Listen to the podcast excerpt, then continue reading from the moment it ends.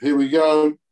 So, hello, Mahaba, good morning, and welcome to our SATCOM Vision virtual conference, funded by and broadcast from Profen Engineering in Ankara. My name is Barry Watson, your chairman for today, speaking to you from Blandford Forum in the UK. Our common theme and title for today is a five year SATCOM vision, highlighting space and ground segment aspects of LEO, MEO markets serving commercial, government, and military applications.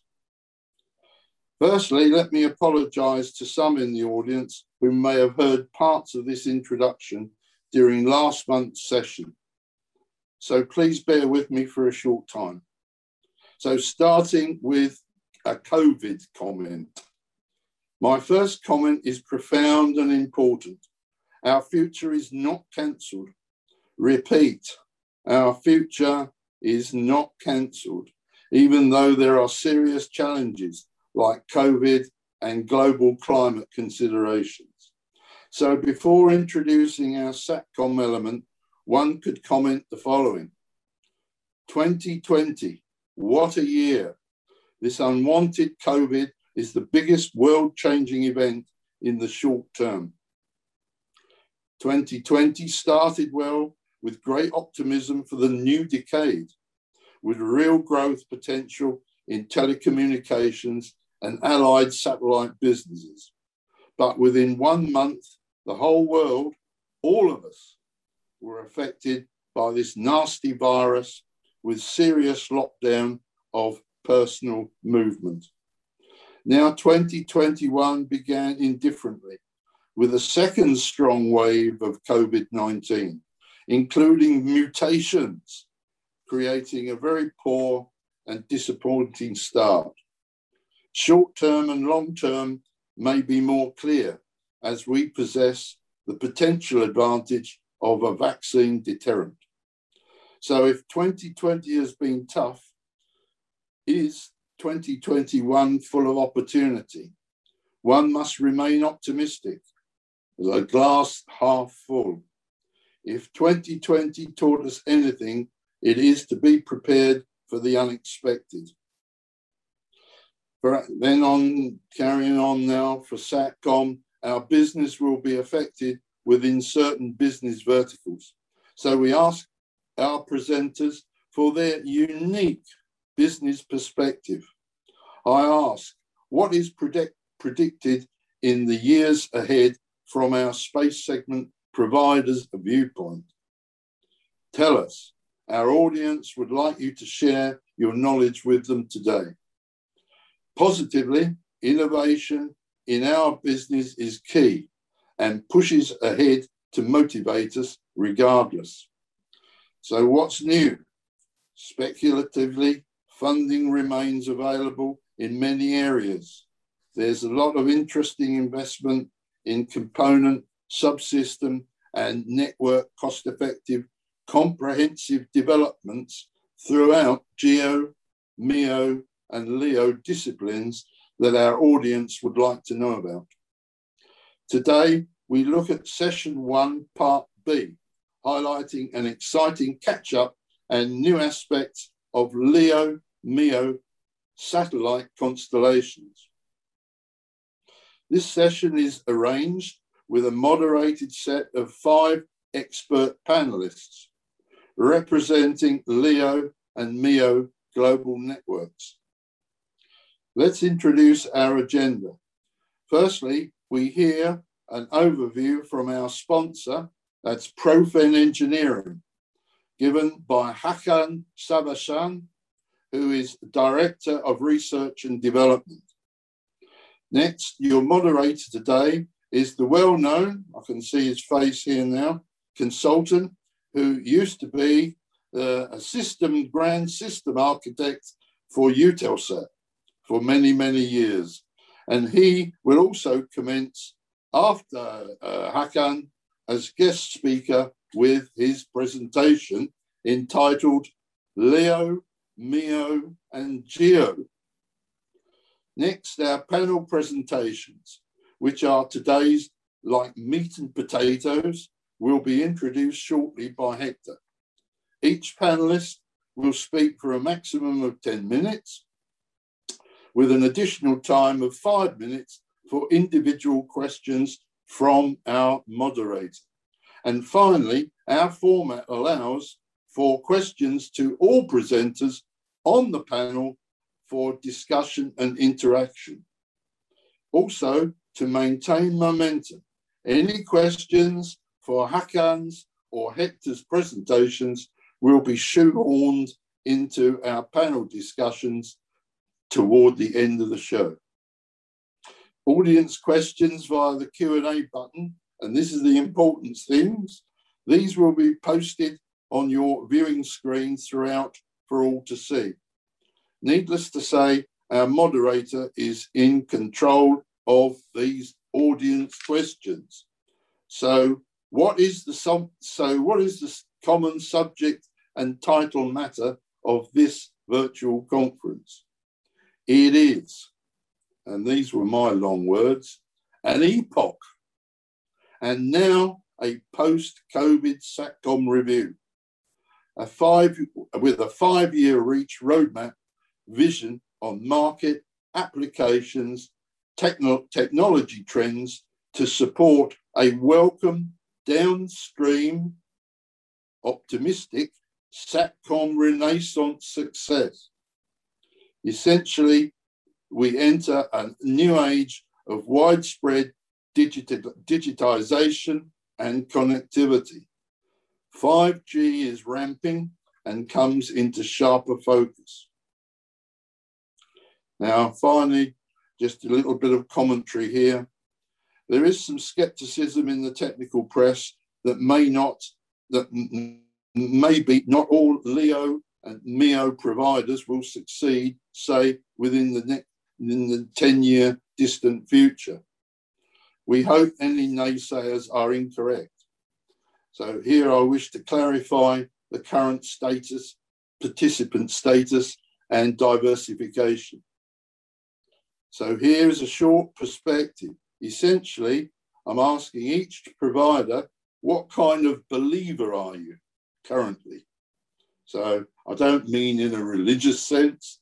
I mean in the sense of, are you a geo camp, believer, a Leo camp believer, a Meo camp believer, or are you a person advocating a hybrid solution with a mix and blend of the above? So from our last Geo session in February, we learned Geo believers are Intelsat, Eutelsat, Viasat, although it's rumored that they're applying for a, an FCC license for LEO, whilst SES advocate hybrid GEO MEO. And Hughes Network Systems has become a hybrid GEO and Leo fan. However, for the long-term technical and financial success rating, no one really knows. It is speculative. It will be years before a definite conclusion is reached, just predictions. So let's hear today from our Leo Meo friends and their beliefs. I'm sure all here wish all players well in their endeavors. So I'm going to call upon our first presenter, which is Profen now. So Hakan Savaşan, who's the Director of Research and Development. So I'll pass it over to you. So everyone there in the audience, enjoy. And don't forget, this is your show and we want you to ask questions. Thank you. Thank you very much, Barry. Uh, hello, everyone. I am Hakan Savaşan of Profen, and I am responsible for the R&D and innovation portfolio of technology part. First, uh, let me briefly introduce Profen. Uh, we are a group of companies, and the main axis of our business is SATCOM technologies. Uh, we are in the industry for the last 25 years, and we serve our customers as the main systems integra integrator, R&D-based ground equipment manufacturer, and teleport operator. VNN uh, government-approved R&D center whose activities are legally audited by government every year. You can see the other numbers related to our company uh, on the slide. But uh, let me go over it. Uh, the 20% of our annual budget is uh, R&D and innovation expenditures, and a significant portion of this is being used to develop LEO and MEO technologies which we see a great feature and uh, a great feature and commercial opportunity. Just to answer the Barry's question, I'm a hybrid guy, so I believe Geo, MEO, and LEO, they will all uh, continue it together. Mm. Uh, Vicolnist Profen's MEO and LEO products and services in three main tiers, uh, connection, infrastructure, and services. But first, I would like to go over the verticals we are targeting right now. We consider that we can easily reach our customers, especially in transportation, enterprise, and agriculture, as well as defense and government. In fact, a significant portion of our existing large accounts are already in these sectors. On the satellite access tier, we are concentrating our R&D activities to diversify our XY pedestal solutions. We will provide different XY pedestal solutions for reflectors between 2 and 7 meters, suitable for S2 Ka band to our customers. We all know the importance of cloud computing in MEO and LEO technologies. We are developing Profen cloud infrastructure which is optimized for SATCOM applications, and it will soon be ready to be deployed in the field. In the medium term, we want to add virtual network functions to our cloud infrastructure as well to implement a virtual ground station. We want to provide Profen SATCOM cloud services to our customers with built-in MEO and LEO applications using our satellite access and cloud computing infrastructure solutions. Our R&D activities continue intensively to implement highly secure managed services, which will provide real-time monitoring, control, and orchestration of the satellite ground segment with predictive maintenance applications supported by machine learning and deep learning. What you see on the, this slide is our first XY pedestal solution for LEO satellite tracking delivered to our customer. This system is a complete ground station solution designed entirely by Profen within the scope of the Turkish National Ground Station Development Program. All active and passive RF chain, antenna motion system and control software of the antenna were designed and developed by Profen. The 7.3 meter reflector of the antenna operating in the dual band is made of carbon fiber material. Ground station can perform monopulse and program track both in X and S bands. The XY pedestal solution we developed here can be used with different reflector diameters between 6 to 8 meters.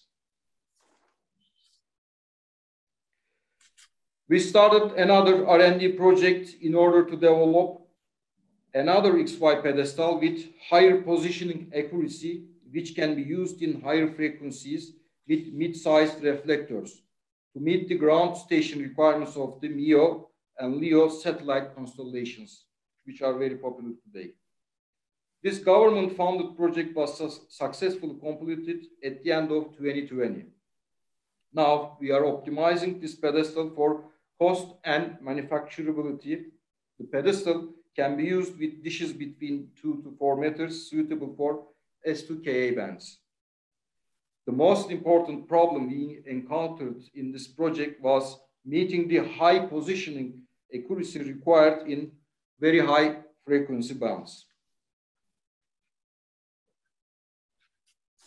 In late 2020, we started another internal product development project to develop an advanced, mid-sized, cost-effective MEO and LEO satellite tracking antenna. You see our Ka-band XY pedestal ground station with 3.5 meter carbon fiber reflector in the picture. We are in the critical design phase. Hopefully the antenna will be ready to go to the market by the end of 2021. I think Profen Cloud architecture is the most important R&D initi uh, initiative we are carrying out uh, in Profen uh, right now. It will be used as the infrastructure of our cloud-based Leo MEO services in the near future. We are developing it in collaboration with Turkey's most competent universities and scientific institutions in cloud computing and big data area. Our goal is to create an open source based, scalable, very low latency cloud computing infrastructure fully customized for SATCOM applications. Profen Cloud will have built-in ground network monitoring control and orchestration services, as well as machine learning, deep learning services for anomaly detection, predictive maintenance, and it will also support machine learning tasks which require classification and regression. Also, we will provide edge computing capabilities to meet the demands of time-sensitive applications. This cloud architecture can uh, provide infrastructure as a service, platform as a service, and software as a service types of services. In order to make this uh, architecture cyber resilient, we have started to work on artificial intelligence-based cyber security solutions for SATCOM ground segment. For the uh, and takeaways, uh, due to mega constellations for broadband internet connection, we think MEO and LEO will be the main driving force of SATCOM industry in the next five years. Of course, GEO will be affected from these developments since there is a real demand to reduce cost per bit. For example, the GEO very high throughput satellites will be a viable solution in the GEO side. Scalability, agility, and reconfigurability are key features of LEO and MEO technologies, which is already being incorporated in space segment. These features should also be added to the ground segment, which will pave the way for the virtual ground station. We think up to five years, fully virtualized ground stations will be the main element of the ground segment itself. On the other side, satellite constellations will need many ground stations on the connection tier. Despite the challenges in its design, XY pedestal appears to be the most cost-effective solution for MEO and LEO tracking due to its ease of production, maintenance, and repair. Cloud computing, big data analytics, and artificial intelligence are at the center of all LEO and MEO innovations. For cyber threats, the only way to reach a satellite constellation is through the ground network. So in this software intensive ground segment era, spatial cyber security solutions developed for satellite communication systems are of great importance. Therefore, advanced artificial intelligence-based cyber security products promise great economic returns both for end users and solution providers. Uh, that concludes my presentation. Uh, thanks for joining the event and enjoy your time. Thank you, Hakan. Uh, can you hear me? So it's over to you then, um, Hector, for your presentation. So uh, it is entitled Leo, Meo, and Geo, or Leo and Geos by Hector Fenech. Thanks, Barry. Thanks, both for the organization and for the invitation. So I'll be talking of Leos and Geos, but really it's Leos and non-geostationary, to be honest.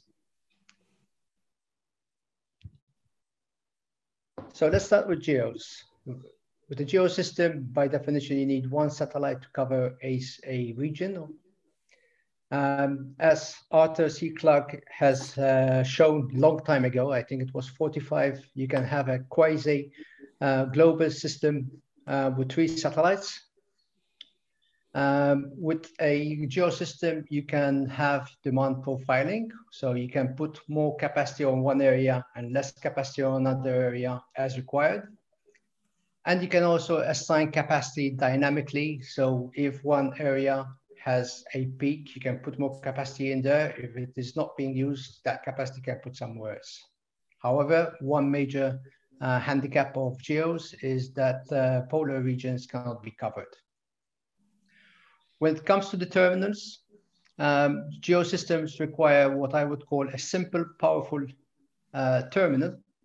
And what I mean here is uh, typically for a residential HTS system, we're using 70 centimeter dishes, no pointing. Um, geo by definition is fixed. Of course, if it's mobile, pointing has to be included. Um, geostationaries tend to be reasonably far away with a round trip delay of 250 milliseconds. And therefore, that is a component of latency. Um, and therefore, the latency cannot be too low. It cannot be below 250. Time to market is relatively short, typically about four years. And the number of satellites that are required, that is required, is one, with a lifetime typically of 15 years. That's 15 years design lifetime, and typically you can get 20, even more uh, operation lifetime out of them.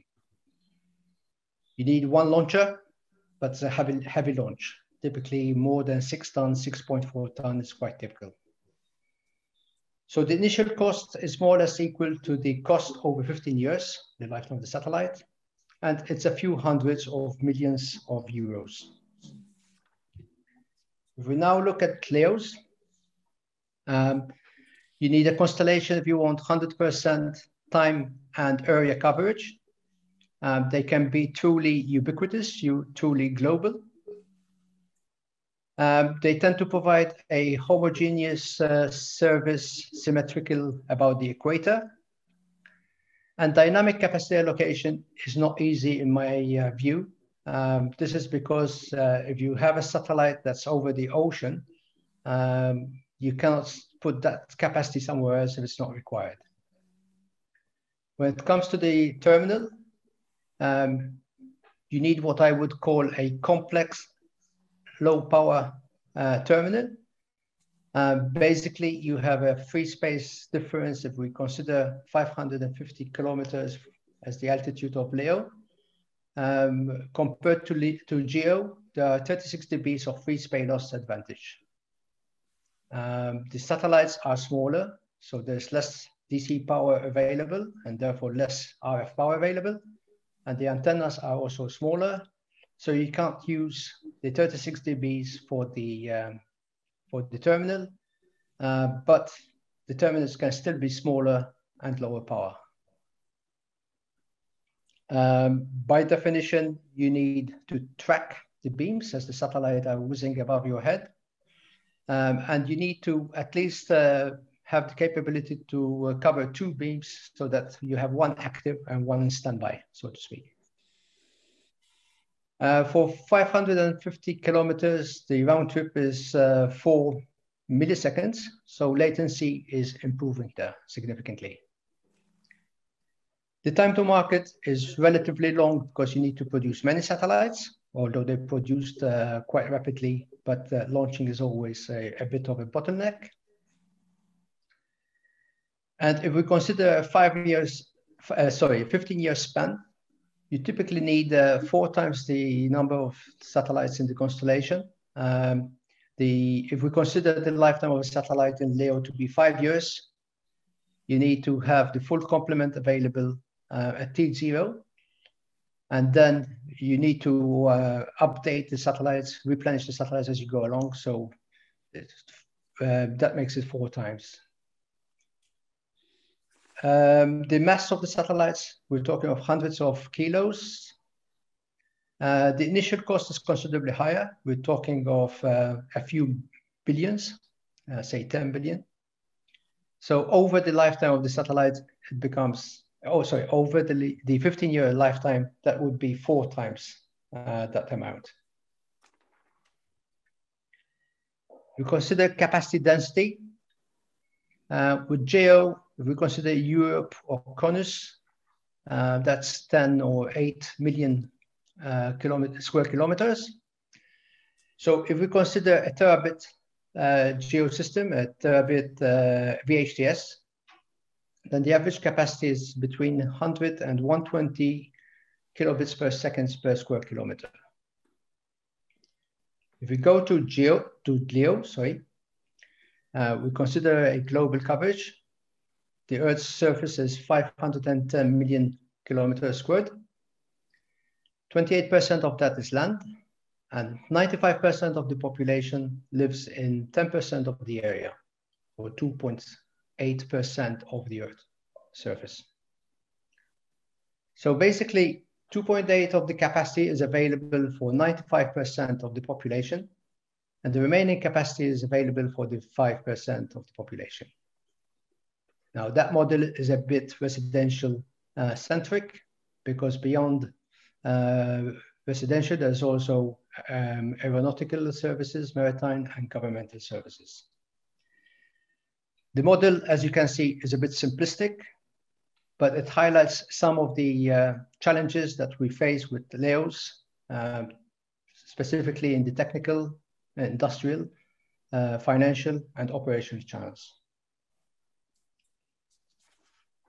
If we now look at capacity costs, if we consider a geosystem, um, we take 700 million dollars for a one for one satellite at one terabit. Um, the satellite is the system, so it's the same capacity. That brings the space capacity cost to about 700 uh, dollars per megabit. We can assume 100% fill factor because we're assuming that there's enough flexibility to make use to make sure that all the capacity can be used. So the sellable capacity cost is $700 per megabit. If we now consider a LEO system, um, and I've taken SpaceX as the example here, uh, $10 billion, 12,000 satellites, 20 gigabits per satellite, so that the system, the system capacity is 240 terabits. That brings the system capacity cost to $40 per megabit. However, as I said before, it, you may have problems selling all that capacity. So what I try to do is I worked backwards, so to speak, um, to have a sellable capacity cost of $700 uh, per megabit, you need to use at least 6% of the capacity a conclusion of this could be that where you have the population, the 2.8 uh, percent of the area and 95% of the population, uh, and where you don't have the population densities, the two are more or less should be of more or less of the same uh, order of magnitude in, in terms of capacity requirements. Again, this is highlighting the, some geo issues uh, what is the sellable portion of the capacity, um, issues with replenishment costs, ramp up on a global business. Uh, if you trying to uh, open a market on global on a global basis, that's going to take time, and also the regulatory issues to be operational in all the countries you want to be in. Latency so perhaps 5G has brought latency to the forefront. Um, it pushes it pushes it pushes latency to milliseconds for certain applications like uh, ultra reliable low latency communications, um, enhanced uh, mobile broadband, and the control panel, the control plane. We're talking here of once one millisecond, four milliseconds, and 20 milliseconds for each one of those. Uh, we did say that uh, the round trip is 250 milliseconds, but oddly enough, um, Geo can contribute to, to lower the uh, system latency. Um, if we consider that the that geos can make contents available at the edge node, this is the edge computing, then by caching data closer to the user, contents can be delivered faster to the user when required. The broadcast function of satellites uh, can make content available to, large to a large number of edge nodes. And VHTS or HTS can make specific contents uh, available to specific nodes, thus reducing the system latency. Um, Leos have a further advantage, even with respect to fiber. Um, fiber has a refractive index of about 1.47, which means that the speed of light in fiber is slower by that amount. If we take the example that we're seeing in the slide, uh, we try to communicate between location one and two. Uh, we have two options, either to have a direct fiber, which is shown in green, or a satellite uh, link, which is shown in blue. If we consider satellite altitude of 500 kilometers and the distance between the two locations of 2,500 kilometers, then the propagation time is more or less the same in both cases, 5.8 milliseconds. Now, if we take a link Paris to Moscow, that is almost 2,500 kilometers, so the advantage would be negligible. But if we have uh, greater distances, like Paris to New York, or New York to uh, San Francisco, then satellites will offer a better propagation uh, delay performance. Thank you for your attention. I think we can, Barry, we move straight to Manik. Yes, well done. That was good. Both of you, thank you very much indeed. That opened it very successfully. So over to you then, Hector, uh, for all the, okay. the, the, five presentations. Thank you. So next, uh, so I'll stop. So next, I'd like to invite uh, Manik Vinakota from to, to present his presentation. Thank you. Sure. Thank you, Hector. Just want to check. You can hear me, Hector? Yes. Okay. I'm going to put up my presentation. Thank you again, uh, uh, the SATCOM Vision team for putting this uh, session and panel together and Profen for the sponsorship um, and inviting Telesat as well to present uh, uh, at least our LEO part of the journey here. Um, for the for the benefit of others who don't know who Telesat is, uh, Telesat is one of the largest satellite operators in the world today, and I'm talking to you from Canada, Ottawa, where we are headquartered. Um, so jumping right into uh, Leo, um, I think Hector did an excellent job of contrasting uh, a Leo design or and the risks or difficulties of doing a, a simple Leo uh, versus a Geo. And um, um, when we started our our journey uh, a few years ago, um, th- that uh, that was a fundamental question we were trying to answer. Uh, we are technology agnostic. Uh, we we wanted to build what is the best architecture to deliver data services for the enterprise customers. Uh, Telesat today and has, has and so has for the last 50 years uh, been serving uh, the enterprise uh, market from a data services perspective, whether it's telcos or whether it is other mobility service providers or the government market. And when we reflected deeply with both within ourselves and talking to our customers, um, definitely latency came out as a key concern. Um, not so much for uh, latency only applications uh, like gaming, uh, but uh, also more specifically for all the networks of moving towards, especially enterprise networks, of moving towards the cloud. And uh, how do you enable enterprises to to make sure their satellite networks also work as well and as seamlessly as um, as their general fiber-based networks. Um, but there were other disadvantages that uh, or other pain points that they had. For example, the aero uh, and the mobility providers needed full global coverage in many use cases. Um, some of them wanted very, very high capacity density and so forth. So though Leo seemed to be uh, uh, an answer to get to there, uh, the, the key risks still remained and Hector pointed them out very well. Uh, how do you design a Leo system so that you do not uh, have very low capacity density and your uh, not forced and, and you improve your sellable capacity and you're not just forced uh, uh, with a lot of unsellable capacity over the ocean. So we had to solve for that. And the other thing we had to solve for for a viable business case was um, uh, not having a short lifespan LEOs. Um, I mean, LEO is just orbit. Uh, you need to design properly for a viable business case. Uh, so a five-year live satellite constellation didn't make sense to us uh, to, to go over that way. Um, so with all those factors in mind and uh, with, uh, with that still focus on the enterprise market, we came up with our Lightspeed uh, design, network design, which is primarily a constellation of 298 satellites at 1000 kilometer altitude.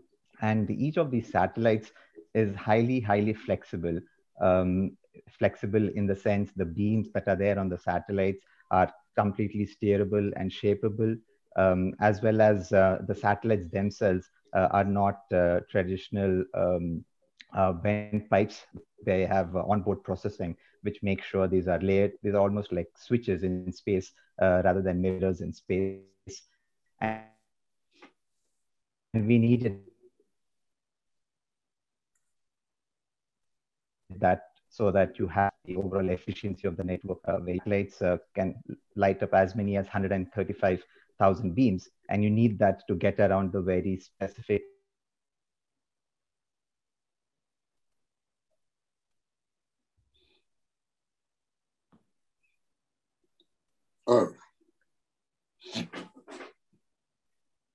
Specific risk that it did of not uh, being able to not serve, for example, the oceans where the satellite is not able to see a gateway. So irrespective of where you are, uh, whether you're the equator or the poles, you're always covered with uh, at least three uh, of our satellites. And in some locations, as uh, it, it will be much higher than that. Um, and that's one other point. Uh, the picture on the right that you see uh, of how we've distributed the satellites as well again, to make sure that the capacity uh, is in line with demand. Uh, we are going to put a set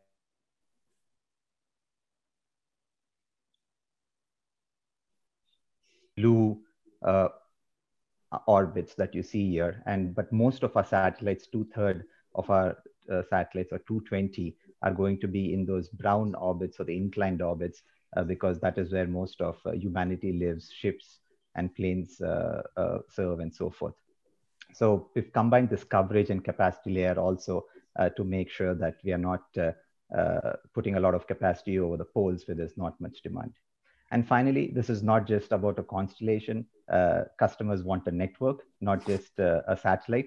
So we will also be interconnecting, building a global ground infrastructure, uh, which will provide a fully managed layer two network for enterprises when I say enterprises, it is telcos, it is service providers serving all fixed as well as mobile markets. So some ways in which we differ from, uh, uh, from other uh, solutions that customers will have. Um, for example, on the on the on the speed that we can deliver to a single location, uh, we will go all the way from serving one megabit to a single site all the way to multiple gigabits to a single site. Um, and we need that because uh, you have a wide spectrum uh, of uh, use cases. Uh, you have at the extreme end, you have large cruise ships uh, or large remote communities that need multiple gigabits. But at the other end of the spectrum, you do have um, smaller merchant vessel ships, for example, uh, that don't need gigabits of capacity. So the network is quite scalable to serve all those different kind of speed uh, requirements. Um, low latency, as I've already mentioned, was a key driver, but high capacity or capacity density uh, that was introduced uh, was another critical factor uh, since these satellites can uh, uh, aggregate capacity, either multiple satellites can put down capacity at a single location or aggregate beams as well very, very dynamically. We can put down multiple tens of gigabits over demand hotspots for example, an airport which has about hundreds of aircrafts at a point in time will be seamlessly served uh, by, the, uh, by the network.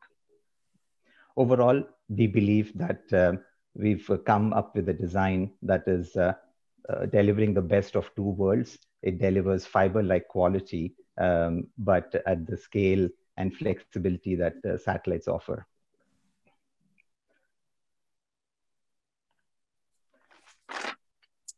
I've clarified the use cases uh, that we that we intend to serve. Uh, so we've, as I mentioned, primarily focused on the B2B market, um, uh, whether it's uh, terrestrial, air, or maritime, or the government market. All segments that we serve today, all segments where we have very strong uh, customer relationships. Um, and uh, um, we announced about a month earlier that we have chosen Thales to be our prime contractor to build the constellation. It's, it's a $5 billion constellation.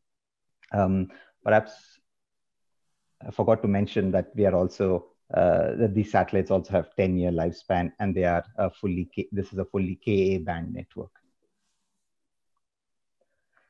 Just to show you uh, some two typical use cases, for example, this from a backhaul perspective, um, we truly believe uh, that uh, once we make as an industry we make the satellite solution as plug and play and as seamless, uh, the addressable market is an order of magnitude higher than or larger than what it is today um, by making sure that uh, a telco uh, doesn't have to uh, add additional boxes or do anything different than they would use a fiber backhaul that would make their life much easier and expand what how they use uh, satellite solutions today and we fundamentally see that happening uh, with Leo and in, all our discussions today uh, with telcos.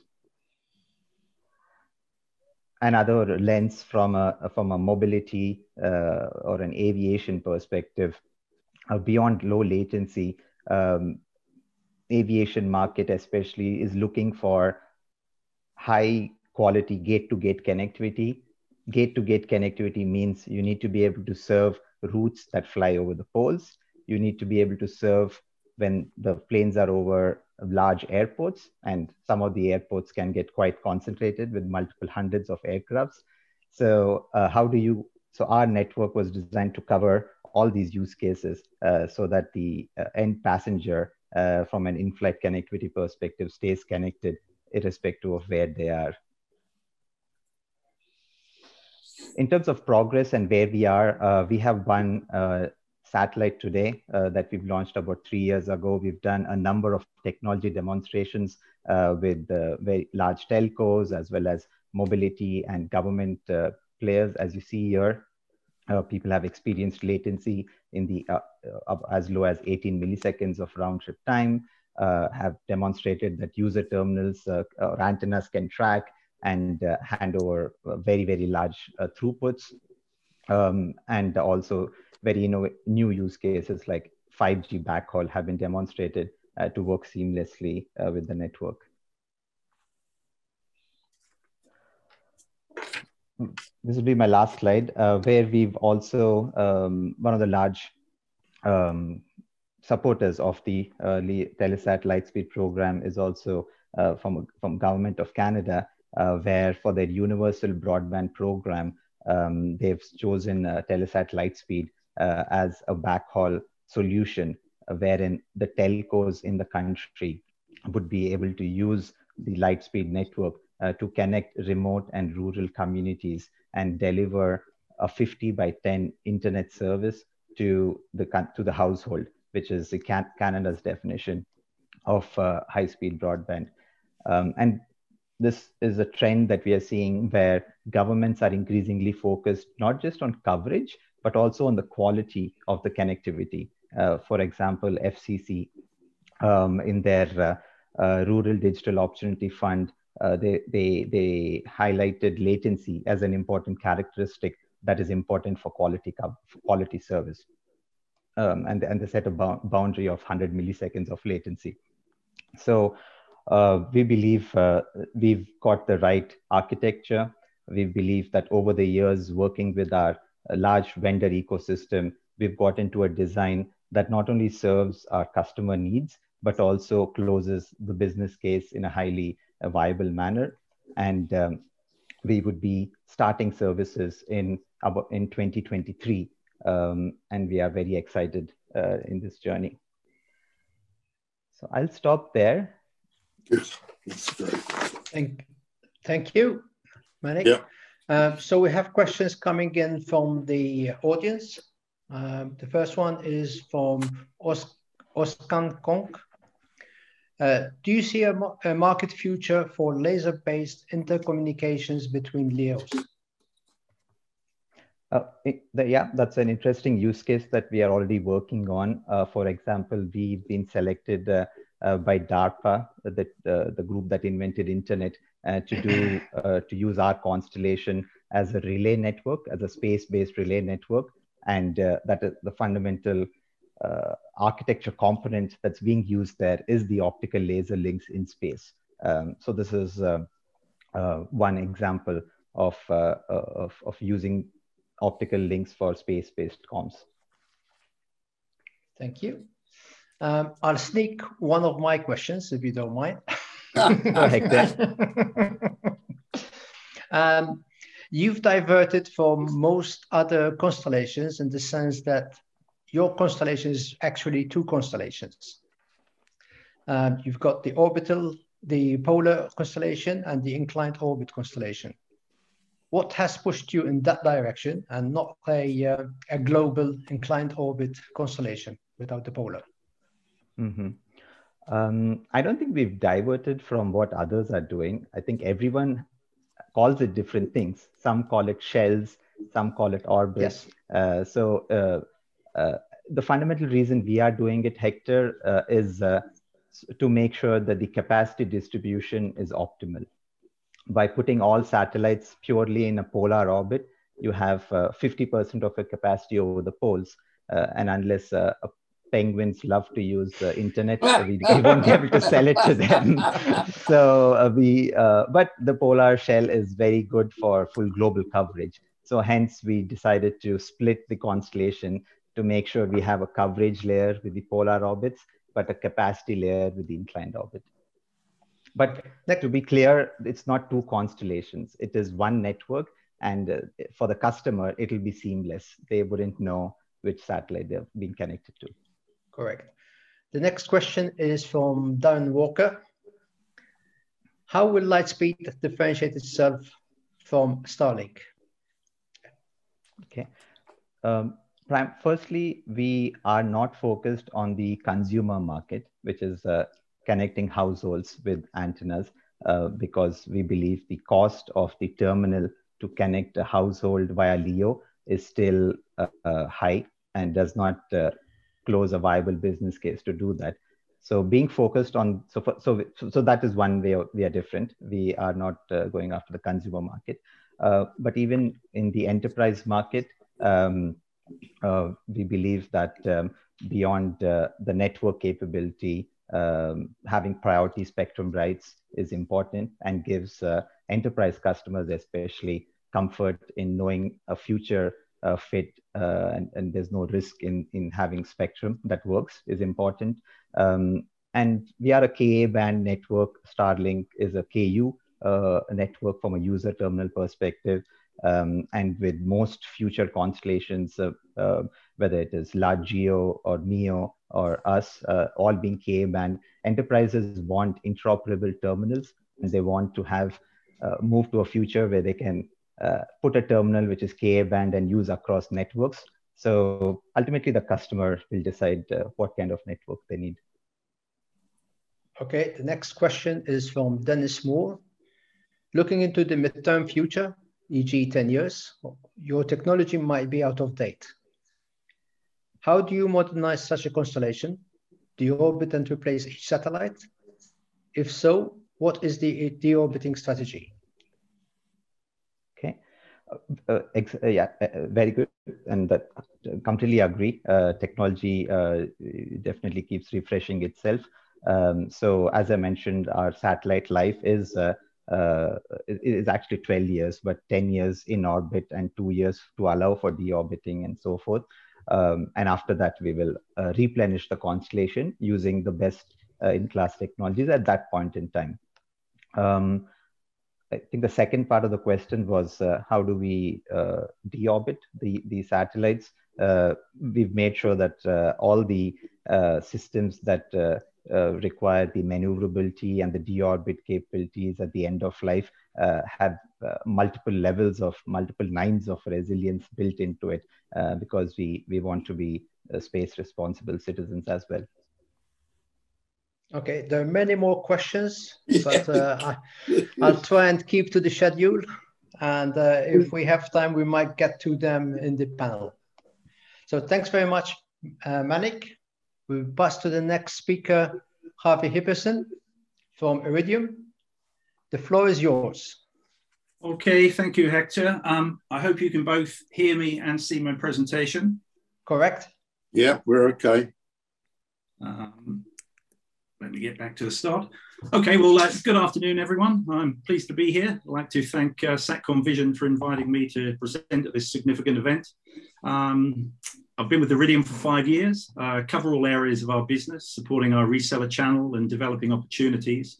Um, and I particularly cover the humanitarian sector. Um, so my presentation really is, is, is more, more of a commercial view rather than technical. So be kind to me with some of the questions coming in. Um, for those that may not be aware, uh, Iridium Communications is a low Earth orbit mobile satellite services operator utilizing the L-band spectrum. The satellites are at a height of 485 miles, traveling at 17,000 miles per hour and orbit the Earth every 100 minutes. Um, in the current form, Iridium has been operating since the year 2000 and has uh, accumulated over 1.48 million subscribers currently. I think we'll be reporting more than that probably um, in, in the next month.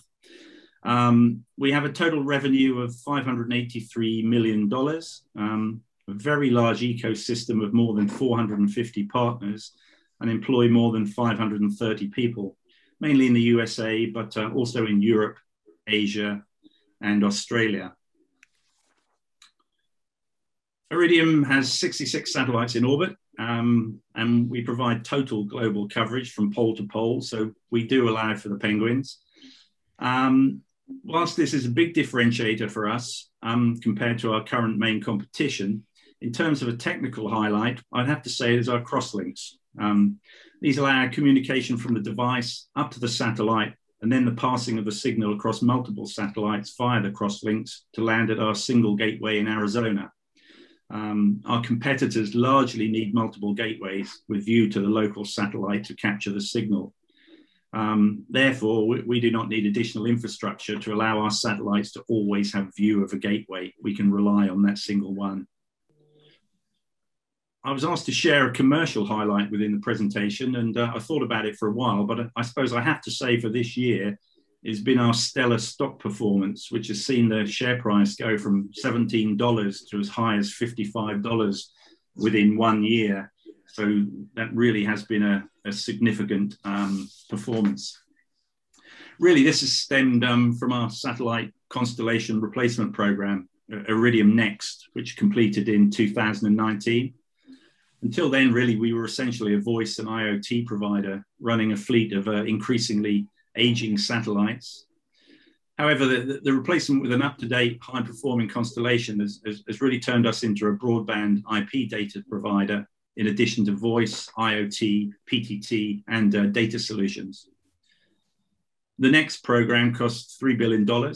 Um, I think we got some good rates from SpaceX at the beginning and comprised the launch of 81 satellites, including spares, via eight rocket, rocket launches of the SpaceX Falcon 9 um, I think our most famous one was the one we were, I think, the one where they first landed the um, booster rocket back onto uh, onto the sea.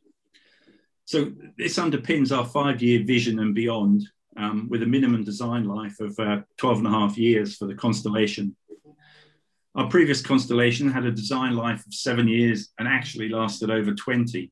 Um, so this new constellation allows us to plan develop and launch products with the luxury of an existing network and um, customer base.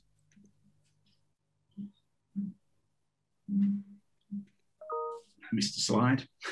This slide shows a snapshot of our product range. The top and bottom rows show existing products. The middle row Certus mid-band, which shows what is coming in the, the next five years. Well, in fact, much sooner than that. Our historic success has been based on handset sales for mainly telephony applications. This has moved to add um, PTT to the handset. I'll cover that on a separate slide later. Um, plus, we launched Iridium Go, which is a Wi Fi hotspot to allow smartphone connection, although, again, mainly for voice applications based on using our, our legacy network. Um, IoT has been a huge growth area for us. Over half of our subscribers now are using short burst data service. We have high profile users such as Caterpillar, Doosan, Hitachi, etc., using this service to track and monitor their assets globally. Uh, we also have Garmin, a name that no doubt all of you are aware of, who've made a very successful range of handheld personnel tracker and messaging devices using our short burst data modem uh, called InReach.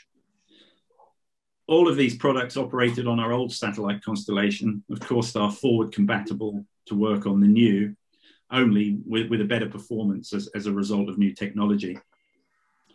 The first range of new products designed for specific, specific operation with the next constellation was our Certus 700 range. This provides a terminal for land, maritime, and aviation applications, comprising three high quality voice lines and an IP data connection offering up to 704 kilobits per second. And these have been available, commercially available since early 2019. Um, our Certus midband products, which are the, the center within the um, slide, uh, will begin commercial launch from mid this year onwards. We have a number of partners producing finished products based on developing our uh, 9770 modem, which offers IP data at 22 kilobits up and 88K down, in addition to two high quality voice lines.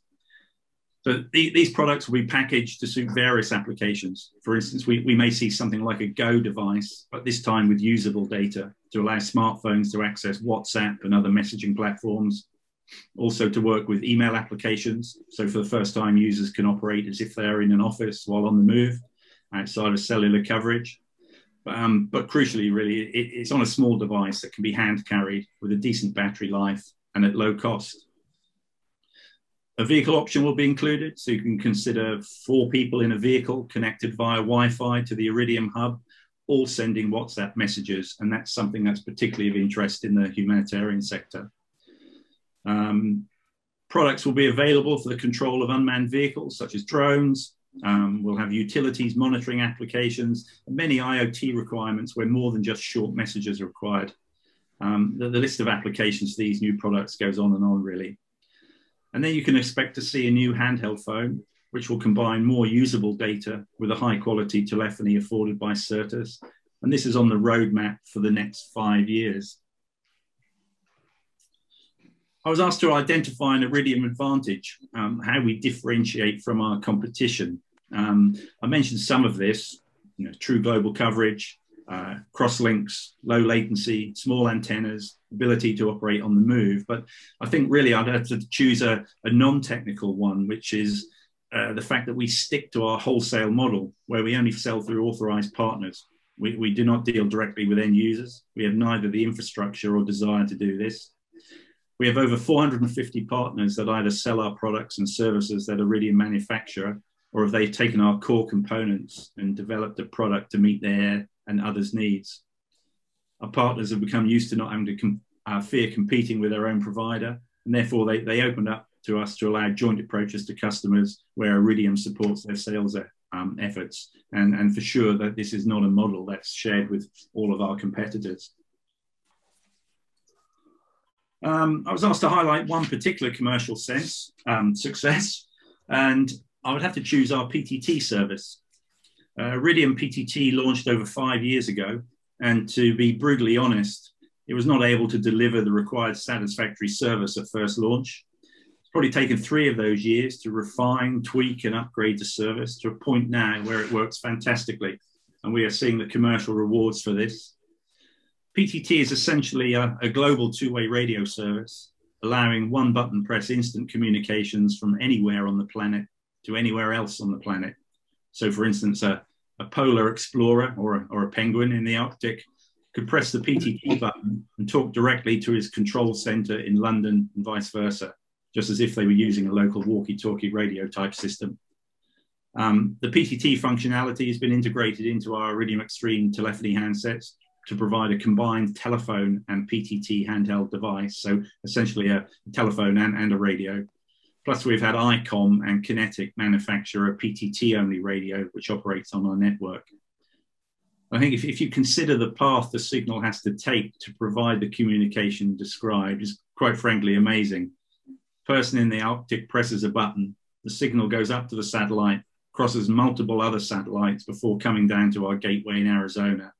It is then processed in the gateway before being sent up to the nearest satellite again, transferring across multiple satellites before being transmitted to the user device in London, and all with a, a typical half second latency. Um, so for sure, we, we consider PTT a commercial and a technical success. Um, I think I'm probably close to the end of my allocated time, and this is my last slide. So really, I'd like to leave you with a takeaway for remembering the Iridium proposition. Uh, Iridium is fully functioning and profitable now. We are future proof for an estimated minimum 15 years. We work everywhere. We cover most land, maritime, and aviation verticals. We utilize small antennas and terminals, which keeps costs down. We have a suite of products to cover voice, PTT, data, and IoT applications. And we have a roadmap of uh, new products planned and soon to be launched. So um, I'm hopeful that the future is very bright. Thank you. Yeah, very good. Very good.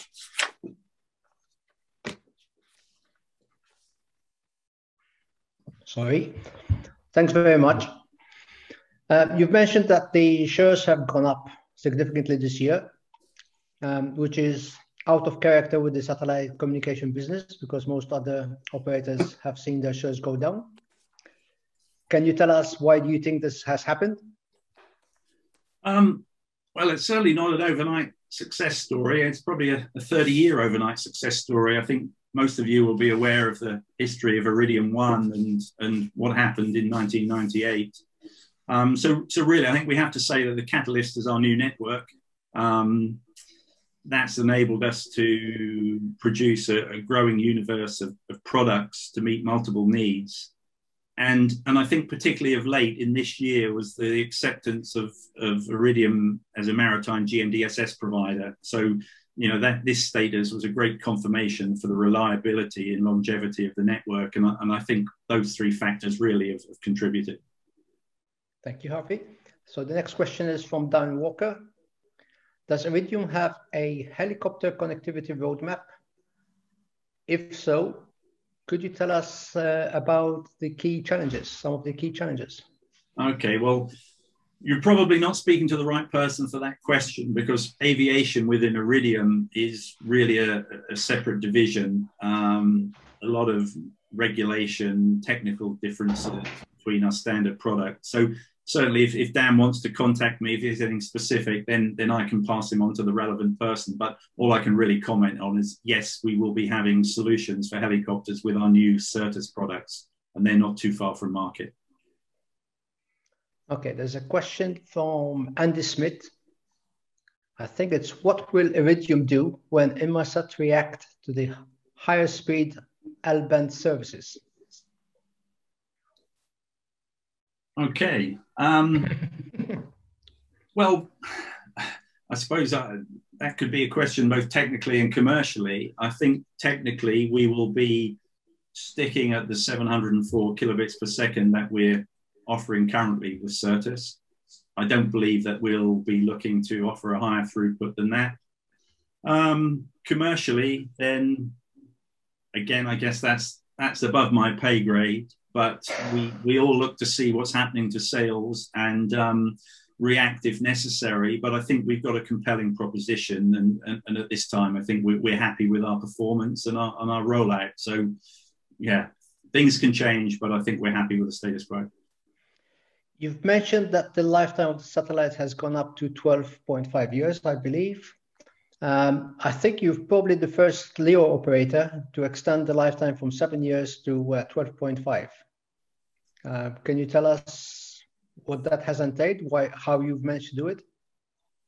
Um, well, I think experience helps, having had a, a previous network um, to draw upon, but we also have to say that those satellites that went up in you know 1997 98 with a design life of seven years actually some of them most of them lasted over 20 so um, i think that there is some secret sauce within that which um, you know i wouldn't know about but for sure i know that you know com- components have been chosen that have been shown to be um, show longevity in a space situation. So I'm sure the choice of components is, is a big part of that. Um, but certainly we, we will have built on the experience of the first network. I think really is that answer.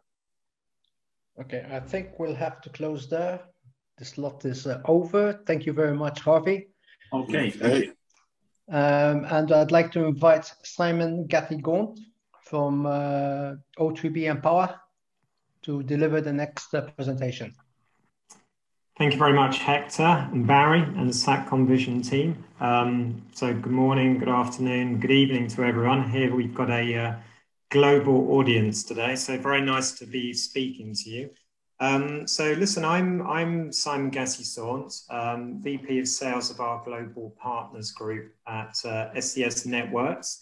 Um, so SES is the company behind O3B mPOWER. So we've split our business into two distinct uh, business units. So we've got our video business that does all the direct to home TV. So if you're in living in Europe and you've got a satellite dish on your roof uh, in the UK uh, for Sky, you'll be looking up at one of our Astra satellites. Um, and likewise, if you're in Germany, uh, you'll be looking up at the Astra satellites as well. So that's one side of the business. The, the side of the business I'm going to talk to you about today is our um, data side, which is uh, called SES Networks, and in particular about our NGSO, so non-geostationary uh, satellite system mPOWER, um, which is going to be our next uh, generation uh, constellation in the medium Earth orbit. Now, there is a very much a distinct um, advantage about being in the MEO orbit compared with a GEO orbit, is that there's a couple of uh, big advantages. One is that you have much improved latency um, over the uh, geostationary satellites. And the second, the way that we've designed our constellation today, which you'll hear about a bit more about in a minute, uh, can deliver you know, extreme high throughputs uh, into a uh, single terminal. And I think just one other thing to mention as well is that um, SES has been operating in the medium Earth orbit today um, since 2014. So I've got a lot of experience there. Um, yeah. Very much looking forward to, to getting the mPOWER constellation up soon.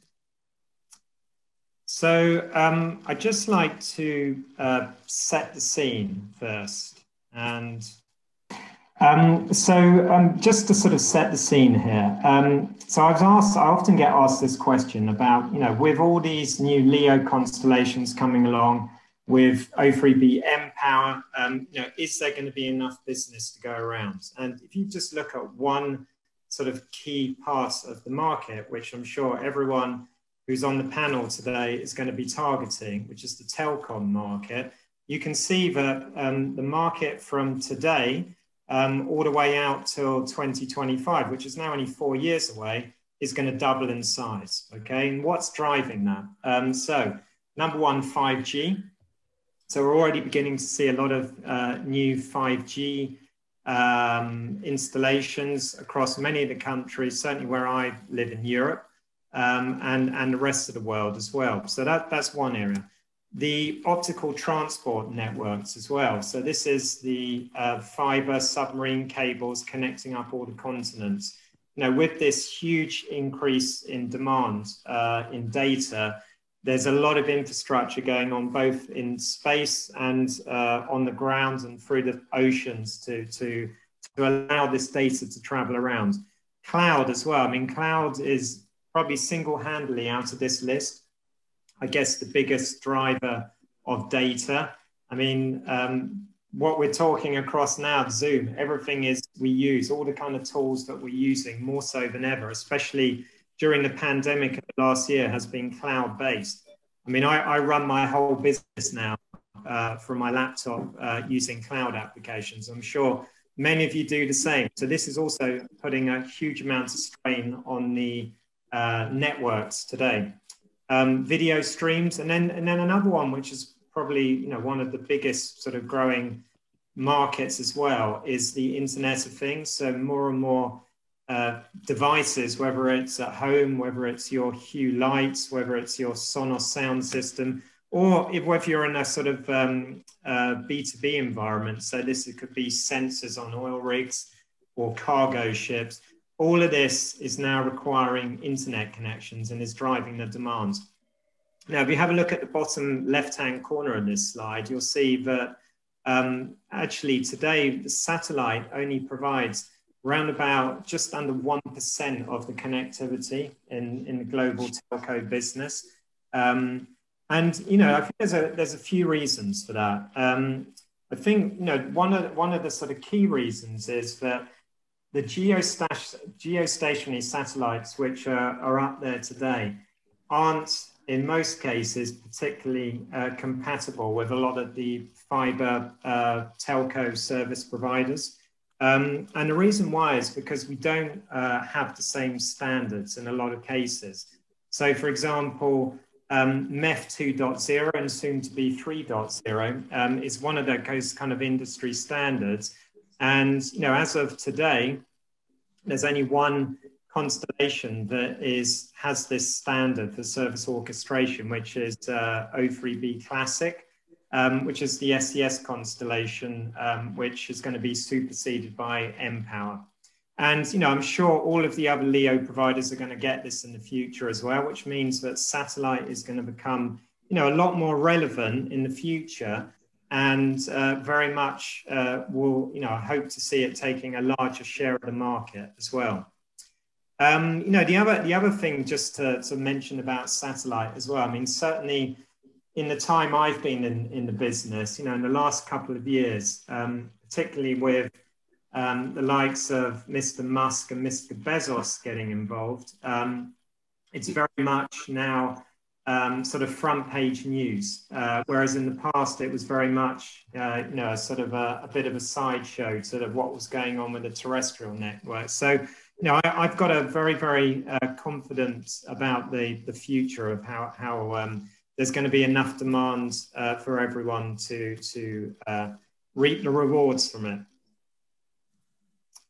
So um, in terms of, uh, we, are sort of going to focus now on O3B and in particular mPOWER, which is our next generation system. So um, we, as I mentioned just now, we've been operating um, O3B since 2014. It's been very successful. Um, it's it's in terms of the kind of market segments where we've had that success is energy on this list on the on the right here, cruise, um, government, and cloud uh, more so uh, today. So I guess one of the big differences in what we're going to bring online with mPOWER is that um, it's a next generation constellation. So um, we've made a lot of improvements on the initial uh, constellation. And one of those is that you'll be able to use it with much smaller terminals as well. So, um, you know, one, so for example, we'll be able to bring in new market segments and address those uh, more so than, than we do today. So, for example, aero, ISR, and other applications like that. One, one thing just to point out about um, O3B Classic and uh, O3B mPOWER is that it's very much um, targeted as a high-end enterprise solution, um, very much B2B today. We don't do any B2C at all. So, um, you know, high, we, we're very much sort of targeting the higher end of the market. Um, so just to give you an example on um, the sort of throughput capabilities you get, um, so with our current O3B today, we can get around about 1.5 gigabits of bandwidth into one terminal. Um, and that will actually um, increase to 10 gigabits when, when mPOWER is operational.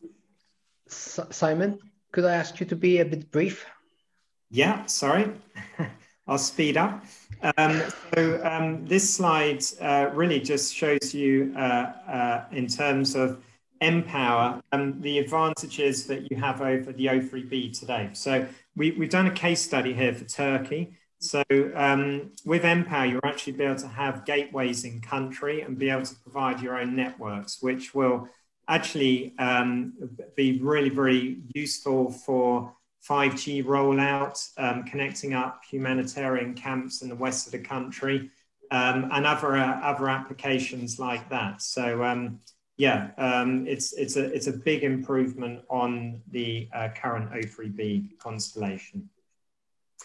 So um, so just wanted to give a, a, a, very brief case study today. So we have a customer Orange, um, where we started a service for in Central Africa Republic back in 2017. Um, and they were so impressed by the uh, O3B service, but we're now um, extending that uh, to multiple other countries, including DRC uh, and some of those other orange countries you can see on the map. And um, the, the, you know, the one big advantage of mPOWER is that it's now you can uh, manage these uh, domestic networks. So you can, it's very much going to be used for applications like cell backhaul uh, rather than just the backhaul itself into the country.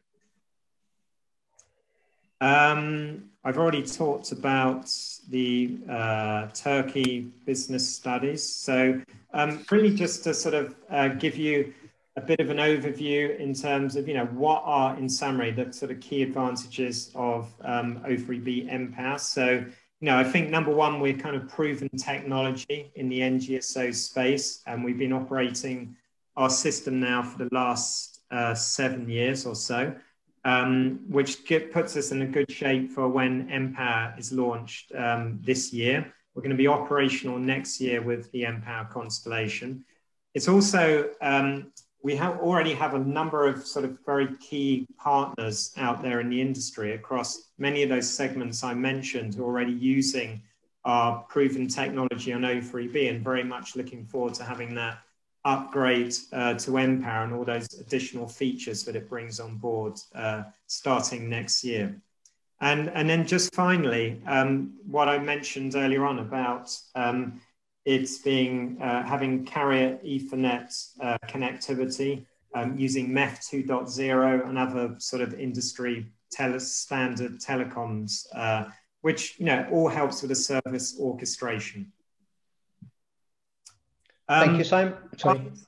Sorry, just final slide. Um, just to sort of sum up again, um, very much enterprise grade capacity, high throughput, up to 10 gigabits per beam. Um, low latency, 150 milliseconds. So those are very much the kind of unique advantages that we see over our um, geo satellites today, and uh, also some of the other uh, NGSO um, players. That's it. Thank you very much. Thank you very much, Simon. Sorry about so, the uh, technical problem. That's okay. Um, so the first question is from Darren Walker.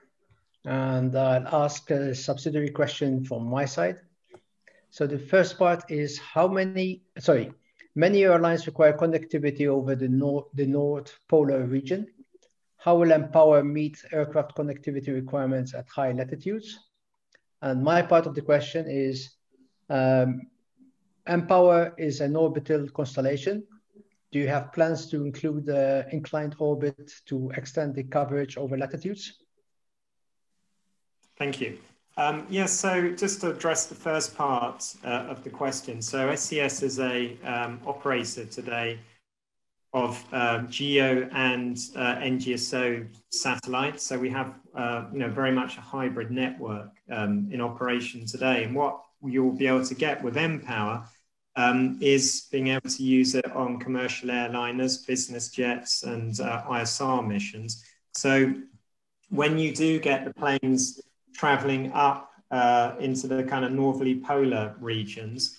Um, the idea is that those planes will have um, compatible uh, terminals on board, which will allow you to operate in both geostationary and MEO. Um, we, have made an announcement that we're going to be using the ST Engineering Next Generation platform, which is going to be compatible for our O3B and what we call our Scala um, uh, network. Which means that you will be able to seamlessly switch from mPOWER onto one of our geostationaries when we go across the uh, polar orbits or, or the polar, polar regions, should I say. Um, I, I, would just point out, though, that O3B today, um, and it will be the same with mPOWER, does cover 96% um, uh, of the population of the Earth. So um, we, we do have most of the uh, regions covered already. And Hector, just to answer your question, we don't have any immediate plans, but one thing that we're looking at doing in the future is to have satellites um, in the inclined plane, which will actually allow us uh, to, to provide service around about up to 80 uh, degrees north and equator. So, you know, which really would cover pretty much uh, most of the world's surface. Thank you very much, Simon. Um, I think we'll move on. So thanks very much, Simon. And uh, I'll invite Mike Hart to give his presentation on Methera. The floor is yours, Mike. Okay, thank you, everybody. If you can see the screen. Um, I represent a company called Methera Global, who some of you may have heard of, but many of you probably won't. We were formed in about 2015 with a vision to provide a MEO constellation to provide capacity to uh, the underconnected world. And I think those with long memories may think that um, O3B was first formed in I don't know, eight years ago now, uh, with a similar objective. And they targeted the, the O3B, which was the other 3 billion. Um, sad to say that in 2021, um, sorry, gone too far. Let's go back. I think the underserved connectivity today is probably at least 4 billion by recent estimates. So I think to underline that, the, the market for connectivity is continuing to increase, even though we have many more terrestrial services, many more satellite services on offer today. So very briefly, where are we in 2021? There are a lot of underserved people around the world highly desirous of broadband services, partly driven by the availability of of services, partly driven by governments who want to do more and more for their communities. The digital divide, as much spoken about in many years, nobody really knows what it is. It's not exactly a hard and fast dividing line, but it still seems to grow, partly driven by cost. You know, the cost of an iPhone now is a thousand pounds, whereas years ago it was 500 pounds. Some things are becoming more unaffordable, and yet the demand is there. What do we mean by underserved? There's obviously the remote areas, which many service providers have fought shy of because, well, it's a remote area, there isn't the business there, so they haven't made the investment. Rural areas, likewise, you know, many farms and agricultural regions around the world do not get the connectivity that they really need. But coming closer to home, the, the not spots around cities and the suburb areas and commuter belts. Know, as cities expand, you put in buildings, you put in some infrastructure, but quite often the, the fiber connectivity and even the mobile connectivity is slower to penetrate the areas that really need it. Cost of terrestrial infrastructure. There is absolutely massive investment, as you all know, in mobile connectivity with, with 5G, but it's still relatively slow growth. It's expensive and it doesn't reach everywhere. Most governments around the world now are supporting digital connectivity with their view of achieving economic growth. And COVID 19 has affected almost everybody around the world with putting extra demand for essential services, not just the obvious ones of education, health, social services, etc., but a greater demand for streaming services, working from home, business, and e commerce, you know, witnessed the growth of, of Zoom over the last 12 months as a, as a prime example. And our view at the moment is that advanced geosatellites, LEO and MEO, together offer complementary capability and extending both the fiber, fiber and mobile services. So what Methera has set out to do is to enable flexible, high capacity density comms to selected areas, which we know is going to change over time and location, but we also recognize we have to be very competitive with terrestrial pricing. So what really is the opportunity? A number of speakers earlier have pointed out that LEOs, lots of satellites, good coverage area, but 70% of the Earth is water. So therefore limited uh, demand for service over some of those regions. That's a fact of life. You can't change that. If you go to the other extreme of GEOs, they are relatively expensive. GEO satellites tend to have a lifetime of you know, 12, 15, even longer years. So limited flexibility. What you launch today, although you can move some things around, know, may not be the service you want in, in 15 years time. And because of the cost of putting a GEO in, into orbit, it's a slow upgrade rate. So whatever goes up today, you expect to be in service in 12 to 15 years time. It may not be as adaptable as you want. So what are we aiming to do? With a MEO service, we can go broadband anywhere, anytime. That's not to say we're aiming to cover the whole world. That is very definitely not our target. What we want are assignable coverage areas to be moved anywhere you like at short notice according to user demands. So the space segment configured at the moment, we're looking at 128 spacecraft in medium Earth orbit. And for us, that means around 19,500 kilometers. It's about the same orbit height as the Galileo GPS satellites. we're going for a 60 degree inclined orbit in four planes of up to 32, 32 spacecraft each. Ka band operation, like many operators these days, what makes us a little bit different is that we have steerable spot beams, steerable gateway, gateway beams to give you that continuous high capacity for the targeted user areas. The spacecraft themselves, we're looking at about a 750 kilogram mass, so a, a medium-sized spacecraft, which includes the steerable antennas and digital processing on board. you might ask, why MEO? But why MEO now, today? A lot of um, spacecraft providers in years gone by tended to avoid MEO because there were, there were some issues. Things like protection from radiation hazards was perceived as a problem, but that is now much more manageable today.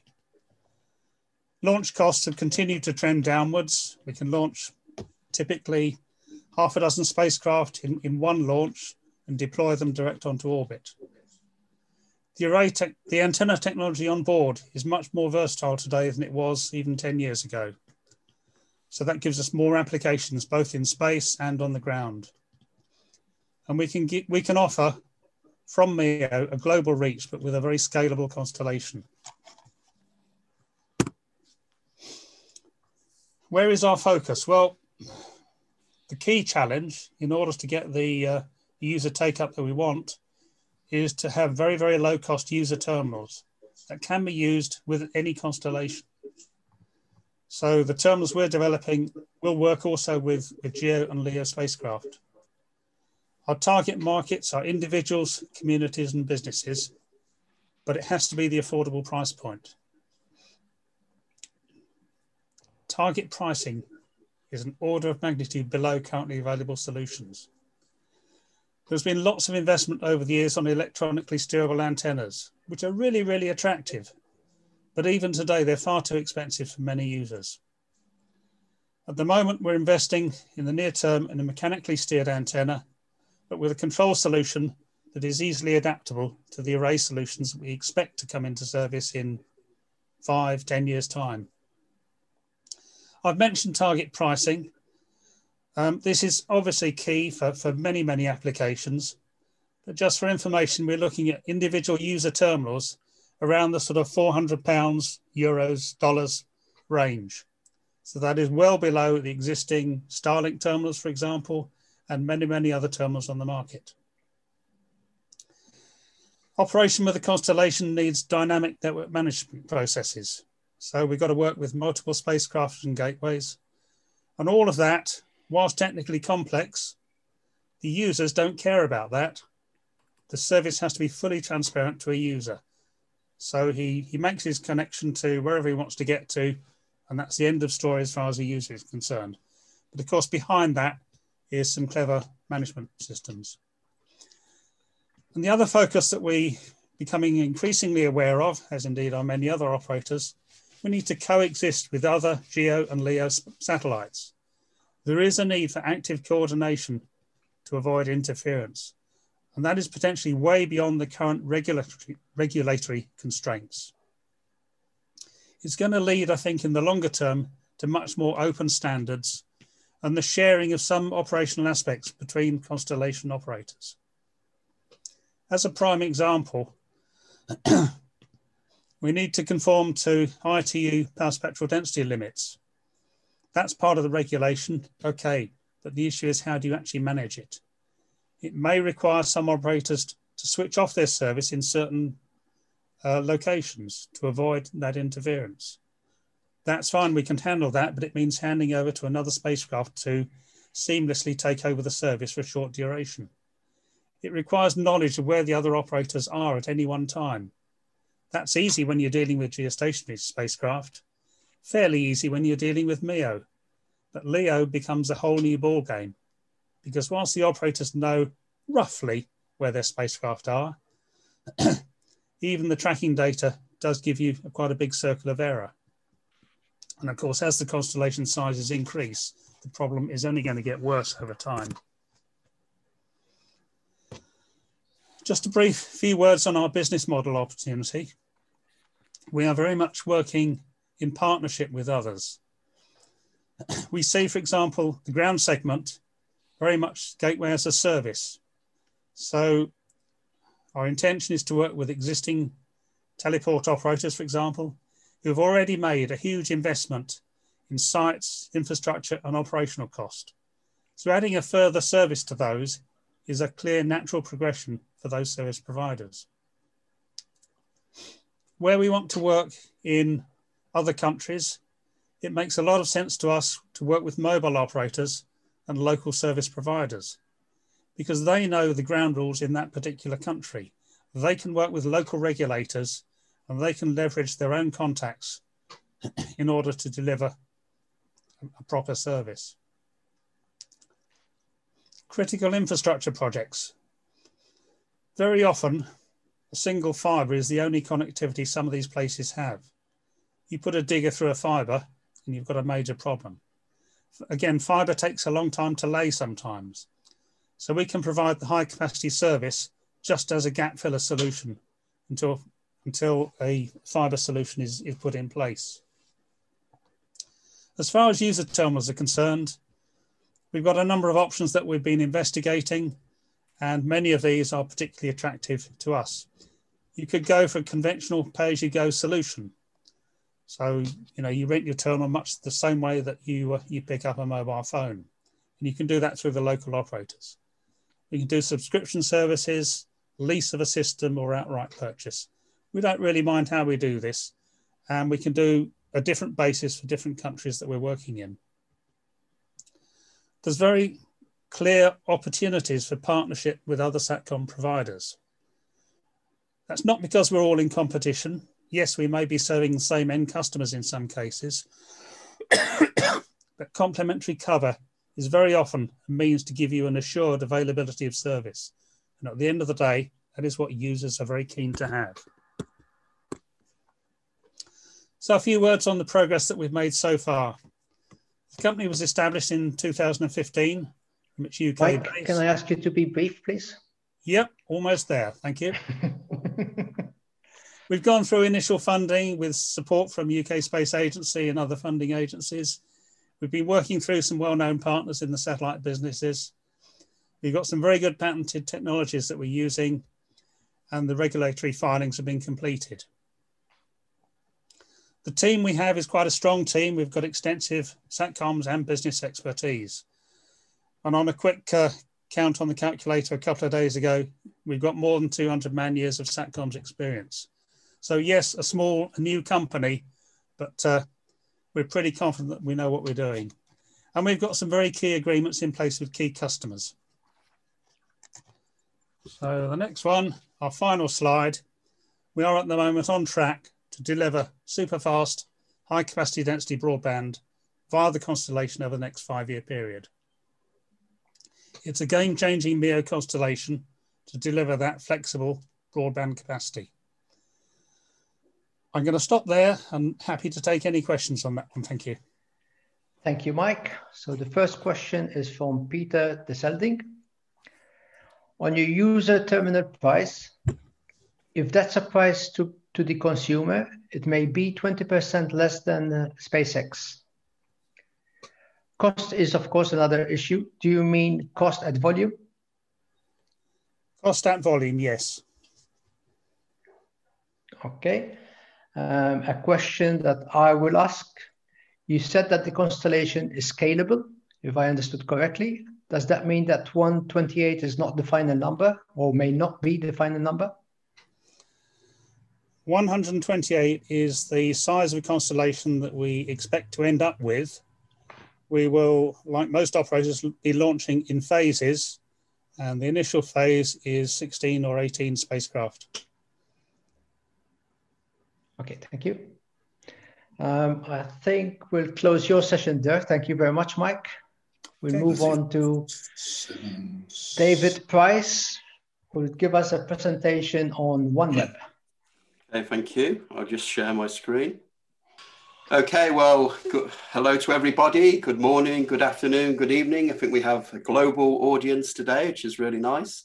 I'm David Price from OneWeb, um, and I want to provide a, you know, a focused presentation to update you on where we are with our uh, preparation for commercial service later this year.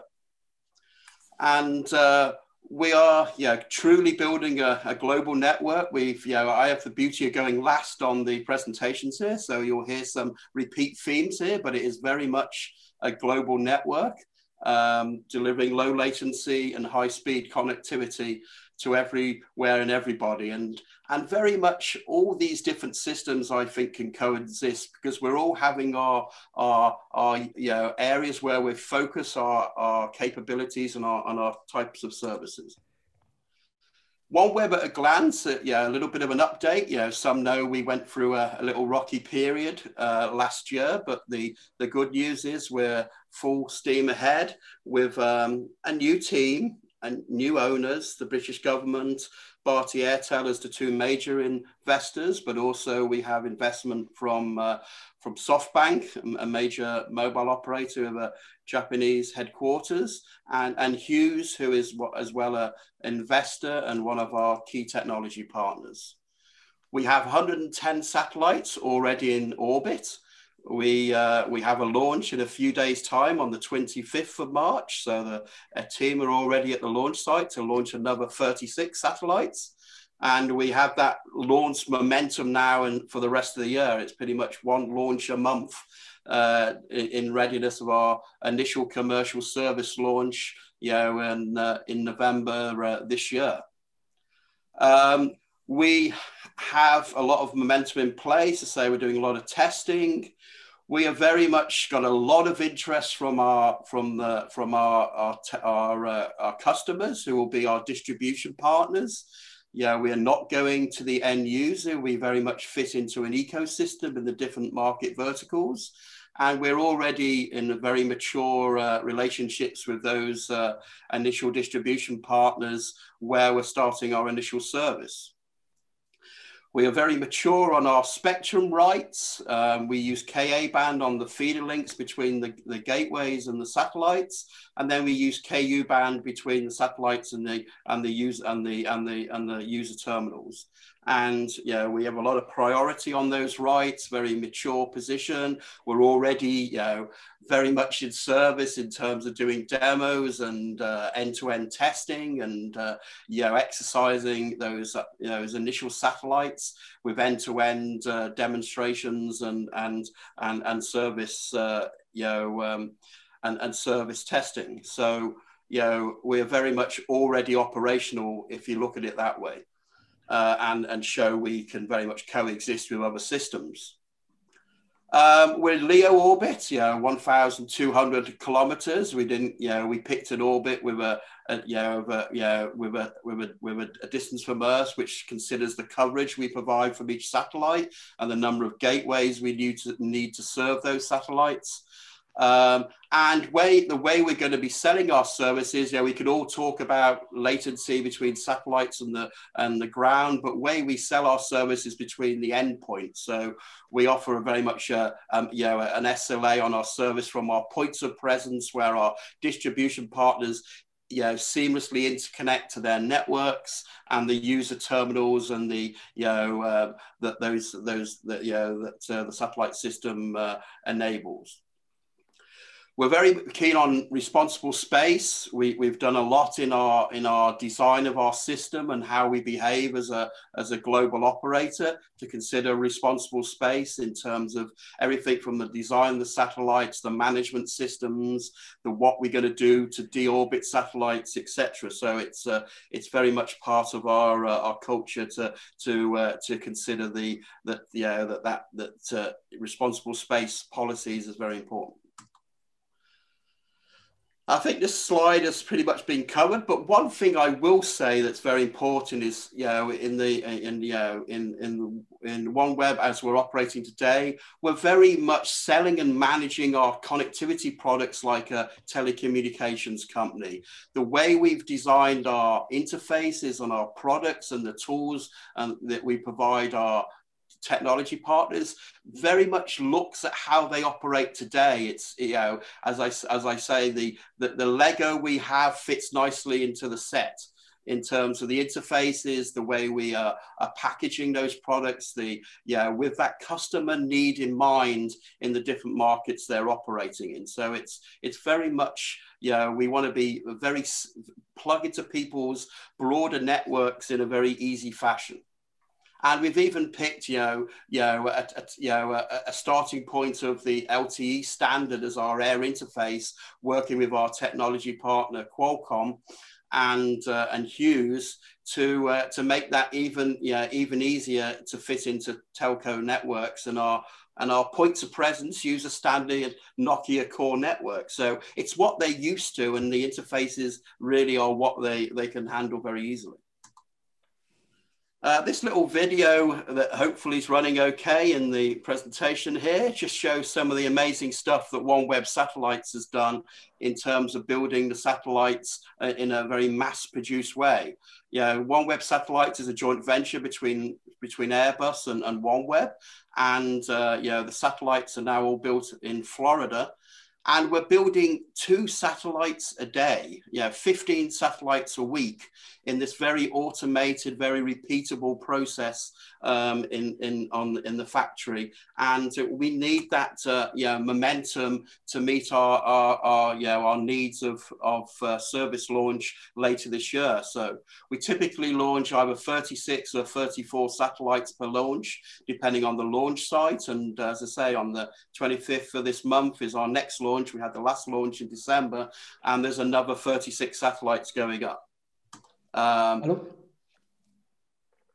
Okay, I see. I don't know if the audio can be heard from this video, but uh, but uh, this this just little video shows of the type of work we're doing in terms of doing customer demonstrations.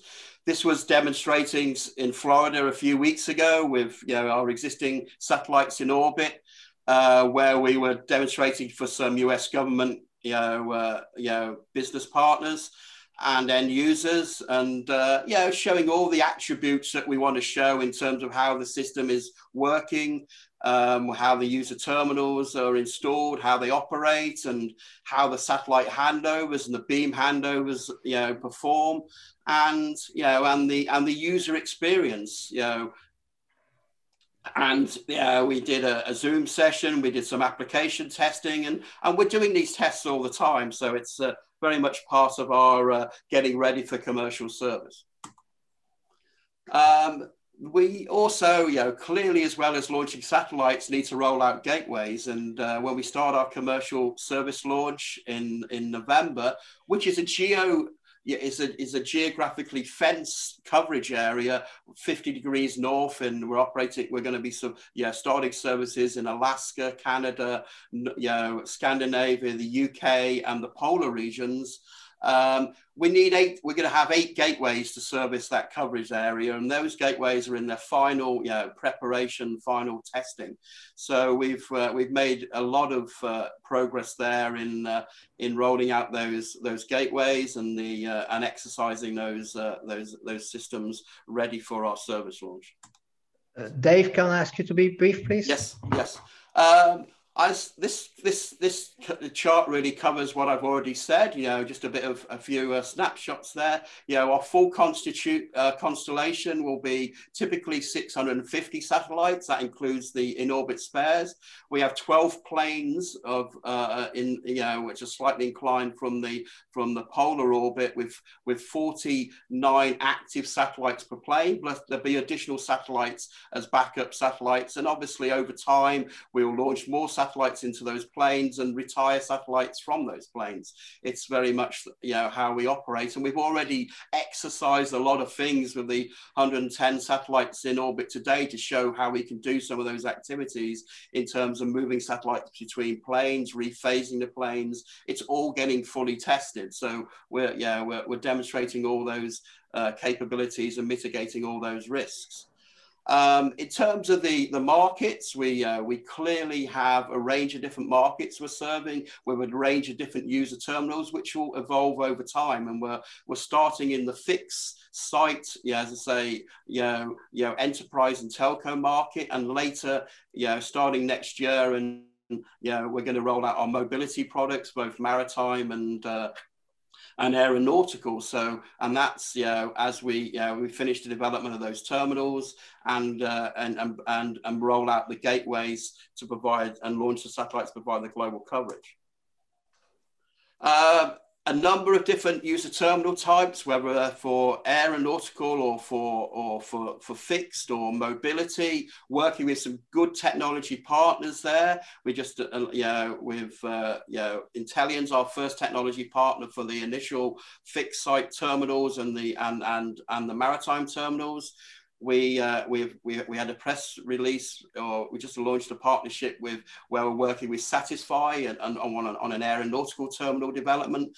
But we're going to have other technology partners in the mix, and we're going to have other types of technology in the mix as we we move from yeah we use mechanically steered antennas for their for their for their uh, high performance in terms of aperture efficiency, etc. And we're also working on you know electronically steered arrays for their form factor and ease of installation, but recognizing you know, that there is a cost versus performance curve there that has to be right. One thing that's very important for uh, OneWeb is how we engage with our customers. And that's where we're doing a lot of effort, not just on the infrastructure platform, but on the way we are selling service and the way we are engaging with our, with our um, distribution partners and their end users. So we want to make it easy to do business with us, easy for that, that whole ecosystem to work in terms of the applications, the you know, to order products, you know, commission terminals, you know, measure traffic, collecting collect money from customers. So we have got a very very very capable and very mature you know uh, yeah set of digital products we're enabling with the interfaces into those business partners, management systems, and we are very much testing that ready for commercial service with those business partners. And it's all about you know understanding the requirements of the end user. So we've done a, done a lot of work to tailor our products so that they they meet the needs of the different markets, whether it's enterprise, whether it's whether it's mobile backhaul, you know, fitting into that you know that mobile operators infrastructure in a seamless way. They understand a Nokia core network. They understand the LTE you know service quality of service you know um, classes so our, our products fit very nicely straight into their networks as if they were using terrestrial only solutions they they really fit very nicely um, and you know it has to be easy to operate, has to have the right skill set in the field to commission stuff. So we've done a lot of work on how the terminals are going to be commissioned into the system, you know, how long it takes to, to roll out the service, how, how flexible the service is, and, and we have that global reach. So we can offer a very similar service anywhere in the world. As I, have covered the timeline a little bit, but to say we are in a very, very important year for us this year, where we are, yeah, finishing those satellite launches and and and, and finishing off our end-to-end testing, ready for our initial commercial service launch in November this year. And we have the customers ready, the business, yeah, the, the distribution partners ready in in in those regions, and yeah, and uh, Canada a key market for us, Alaska Scandinavia, the polar regions, where a lot's happening now for oil and gas and other activities. And you know, launching at the time of COVID, this is my last slide. Yeah, we did a launch in December. Yeah, if you read, yeah, the it's you could almost do a movie on the logistics involved in getting the satellites from Florida to the to the east of Siberia, the rockets from you know, via train to Siberia from other parts of Russia where they're manufactured, and the people to support the launch. You know, and it was a we we we we did it. We we pulled it off. The satellites are all in their orbit raising now, and we're going to do the same at the end of this month. The, the team have already been through quarantine. The satellites are at the launch site. If you look at our yeah, if you look at our um, yeah our our website or our feeds on you know on linkedin etc you'll see uh, we're, we're going to do that again and we're going to do that every month this year pretty much and, you know, to the end of the year and then into next year. So we've got it down to a you know a very much repeatable exercise and i look forward i hope i welcome you to all to watch the launch on the 25th of of march. And that's just uh, what we're all going to be looking forward to a, a rocket going up very nicely, the Soyuz rocket. Thank you very much. Thank you, David. So we've got a first question from Mr. Anonymous. Okay. Probably works for someone, one of our, for SpaceX. yeah, yeah. SpaceX again. Can, can you disclose of the 110 satellites are all operation? Operational? Yes, they are all operational. I mean, they're not all into their final orbits. I mean, when I was showing the video earlier, we have satellites in two orbital, actually three different orbital planes. We had the first six satellites that were, we called um, as like the prototypes we launched originally are in their own unique plane. And then we have the other satellites in the two other planes or the last 36 satellites on the way to those planes because we use electronic orbit yeah, propulsion for orbit raising. So yeah, the satellites take a while from the launch, yeah, initial launch into to get into that final, you know, uh, orbital plane. And so 36 of those 110 satellites are on the way there. But I know that every day, because my team are doing it, we're, we're, we're using at least 60 satellites for, uh, for end-to-end testing. Another question from David Garud. Uh, what is the interface? Yeah, I mean the air interface is a modify is a modification of what is the, the, the LTE air interface. We, if you look at, um, you know, we're using Qualcomm chips in the user terminal, which are the same chips that go into a mobile phone. Uh, they're used with different software to deal with the the satellite environment with its different dynamic elements. And you know, so uh, yeah, so we we we use a uh, you know an STTNA you know you know um, access scheme in in on the on the return link yeah on the so on the forward link. And on the return link we use uh, an SC FDMA but it's it's using very it's based on the on the LTE uh, air interface. And we did that just uh, because the whole network you know, you know, in terms of you know the components of it, right from the core network to the user terminal, you know, and the classes of traffic and the encryption fit right into that telco infrastructure in a very nice manner because we, we that's where we started, and we get advantages of the cost of those Qualcomm chips and other advantages in the management tools of the of the system to take to for it to be scalable, just like you know, a, a, you know, rolling out a, a terrestrial network using terrestrial infrastructure. Okay, I think we'll close your session here so that we can re stay you. reasonably on time. Um, and we'll pass to the panel discussion. Uh, uh, hold on a minute, Hector. Hector, can I come yeah. in here, please? Yeah. Um, all our audience, we would like you to please take a look at the screen and you'll see, oh, here we are. So there's a survey that we would like you to fill in and complete and send back to us of what you think about this conference, um, presentations, etc., etc. So there it is, um, and please fill it in. Thank you. Um, on the same tune, on the organization side, there are lots of questions regarding the presentations. Um, my understanding is that the presentations will be available to those who request them. And it is the presentations that we can send you that will be uh, dispatched. So for the speakers, please confirm that uh, the presentations that you have presented, they can be made available to the audience. Yeah, yeah, okay.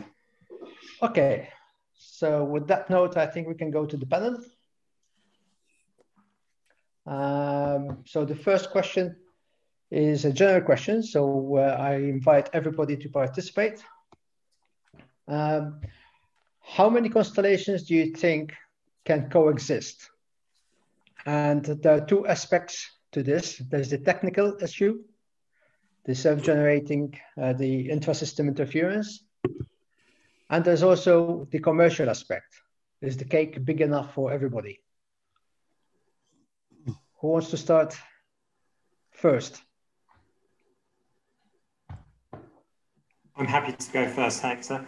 So, um, so listen, I think it, the answer to is the cake big enough for everyone question. Um, I mean, I covered that off on my first slide. So just the, the telco business alone and cloud business is going to be worth around about $5.8 trillion.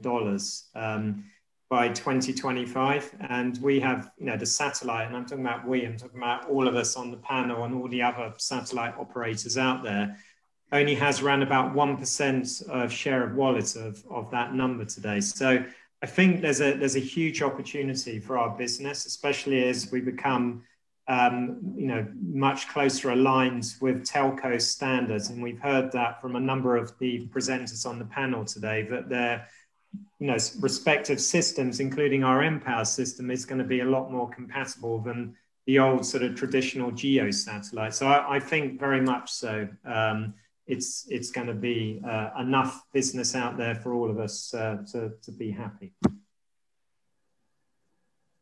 Anybody else wants to add anything? Yeah, I think, as I said um, earlier, I think we also have to look at which parts of the market we're focusing on. You know, you know, you know and and uh, Hector, your initial presentation really did some good comparisons there between you know Geo, MEO, and LEO. You know, they have advantages and disadvantages, and and I think we're we're not all targeting the same part of the network. You know, it's always nice to hear what um, you know what uh, Iridium has to say, and uh, yeah, they're very much targeting different parts of different use cases across the spectrum of enterprise and telco services. So I think you know. Uh, you know, I don't think we knock into each other that often because there's a lot, there's a broad market there, and and I think we can very much, and it's a growing market, and we can all play in that market. Yeah, I think just to add, you know, from the commercial side, I think you're exactly right. There's different business models, you know, broadband, IoT, Earth imaging, etc. So I think as long as there's not too many trying to share the same market, then we're okay. But you know, maybe as a throwaway, it's it, it's two per market, two per model. So to try and be a bit provocative, uh, Simon said that at the moment satellites are only tapping one percent and that is a known figure that's been around for quite a long time. Yeah. Um, what has changed now? Why all of a sudden it's going to be so much competitive that we're going to be 20%? I, I can take a stab at that. Uh, I support Simon there, uh, coming from the telco world. Um, I, I think if we flip it around, and David did an excellent job of showing uh, how we need to solve from a customer's perspective. It's not so much about uh, uh, the, the, cool technology that we can collectively launch. Uh, one is uh, if the use of the satellite network uh, doesn't include, doesn't involve uh, a, any complexity, additional hardware, additional terminals. Um, you need accelerators because you have high latency. Once you simplify, become as as a Lego model that David mentioned, then people will adapt it more I think that's that's very important. Uh, second, I think the economics are getting better. Um, all of us are trying our best to stretch that horizon even better, both economics of the capacity, but also economics of the terminals. A number of people have mentioned smaller terminals, uh, lower cost terminals. So that again improves the business case for customers to use us. Um, so I think at least those two factors will make it easier and make it more economical, will drive us more. Yeah, just a, a, another comment for me on that. I think it's economics across everywhere. It's how we're building satellites. I mean, it's just a major improvements in how satellites can be made in short term and, and very yeah the, the time scale to build a satellite i mean the, the OneWeb satellite factory building two satellites a day it was unheard of 10 years ago i think I mean, Iridium did was did some clever stuff there with their first satellite hmm. build, as we know. Yeah, not using even non-space qualified components in some cases, and the satellite still lasted 20 years. So we, there's been a lot of change there in, in, on on the manufacturing of satellites, and and yeah, so we could evolve quicker and, and meet the needs of the of the hmm. market. But it's also the use of RF components and and piggybacking on other uses in the same frequency bands. You know, just the cost of of of of, of RF yeah, amplified devices has come way down because uh, there's a broader market for them and there's more mass production. I think the other point is that 1% of a growing market is still a very attractive proposition to a number of operators. And whatever we do, it's still got to be competitive with the mobile operator end user prices. It's not quite a race to the bottom, but there is certainly a downward trend on, on prices generally. But I think we've got a I think we've got a good future as a as a complement to other means of connecting A to B. Okay, so I think everybody had a say. I think we can pass to the next question, which is on the terminal side. Um, terminals have been a barrier to many services. Um, when I was first involved in satellites, they were quite expensive with VSATs. Uh, then uh, HTS came along and the price dropped almost by an order of magnitude. Um, but they're still considered to be quite expensive. Could perhaps each um, operator, each system can tell us something about what they intend to do to make uh, terminals more accessible, technically and uh, economically? I can answer that first. Uh, technically, I think uh, it's not easy to come up with a, very cost-effective terminal. I think so. There should be some kind of so uh, some kind of uh, cost reduction techniques related with the service providers. Uh, on the other hand, for example, in Turkey, uh, that will be the main challenge for the MEO and LEO uh, service providers uh, because it's it's not easy for Turkey to afford uh, these type of prices in Turkey. So in both terms, for both functionality and in terms of price, they should be cost effective. Um, phased arrays have been uh, sort of everybody seems to be talking about phased arrays, but traditionally phased arrays have been an expensive, elegant solution, very elegant but expensive. Um, is there anything magic? Is is it a question of uh, quantities that could help? I'll make a few comments. I think if you look at the things that make phased arrays challenging, one of them is, you know, is some of just the laws of physics, things like scan loss. If you have to have a broad scan, you have, you know, you end up with more loss. So you don't always have that boresight performance for your phased array.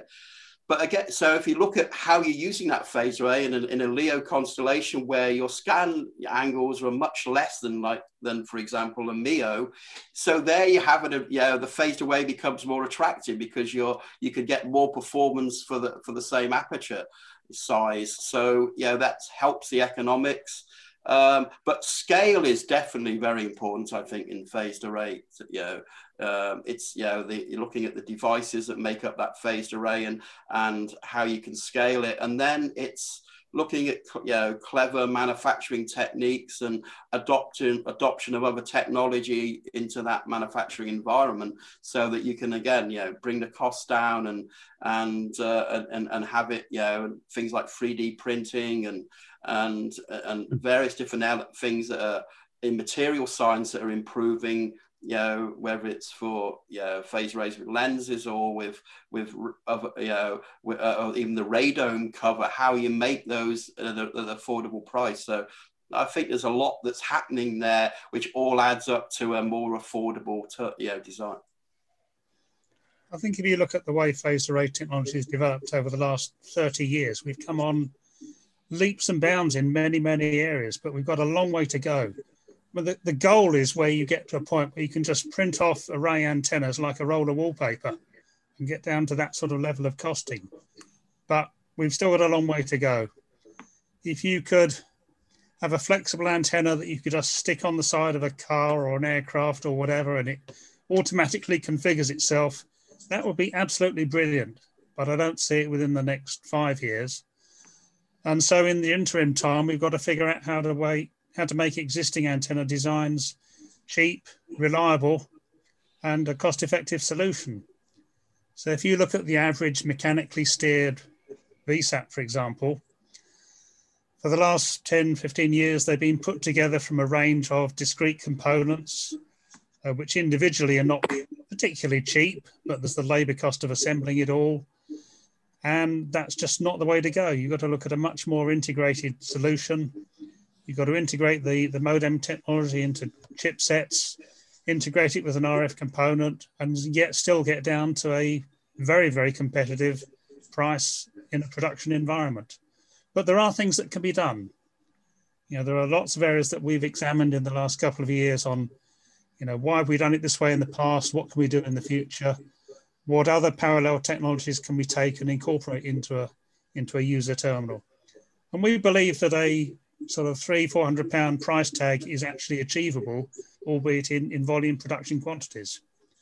And by the time we've done that, then hopefully the phased array solutions will have matured a little bit more and the two will converge.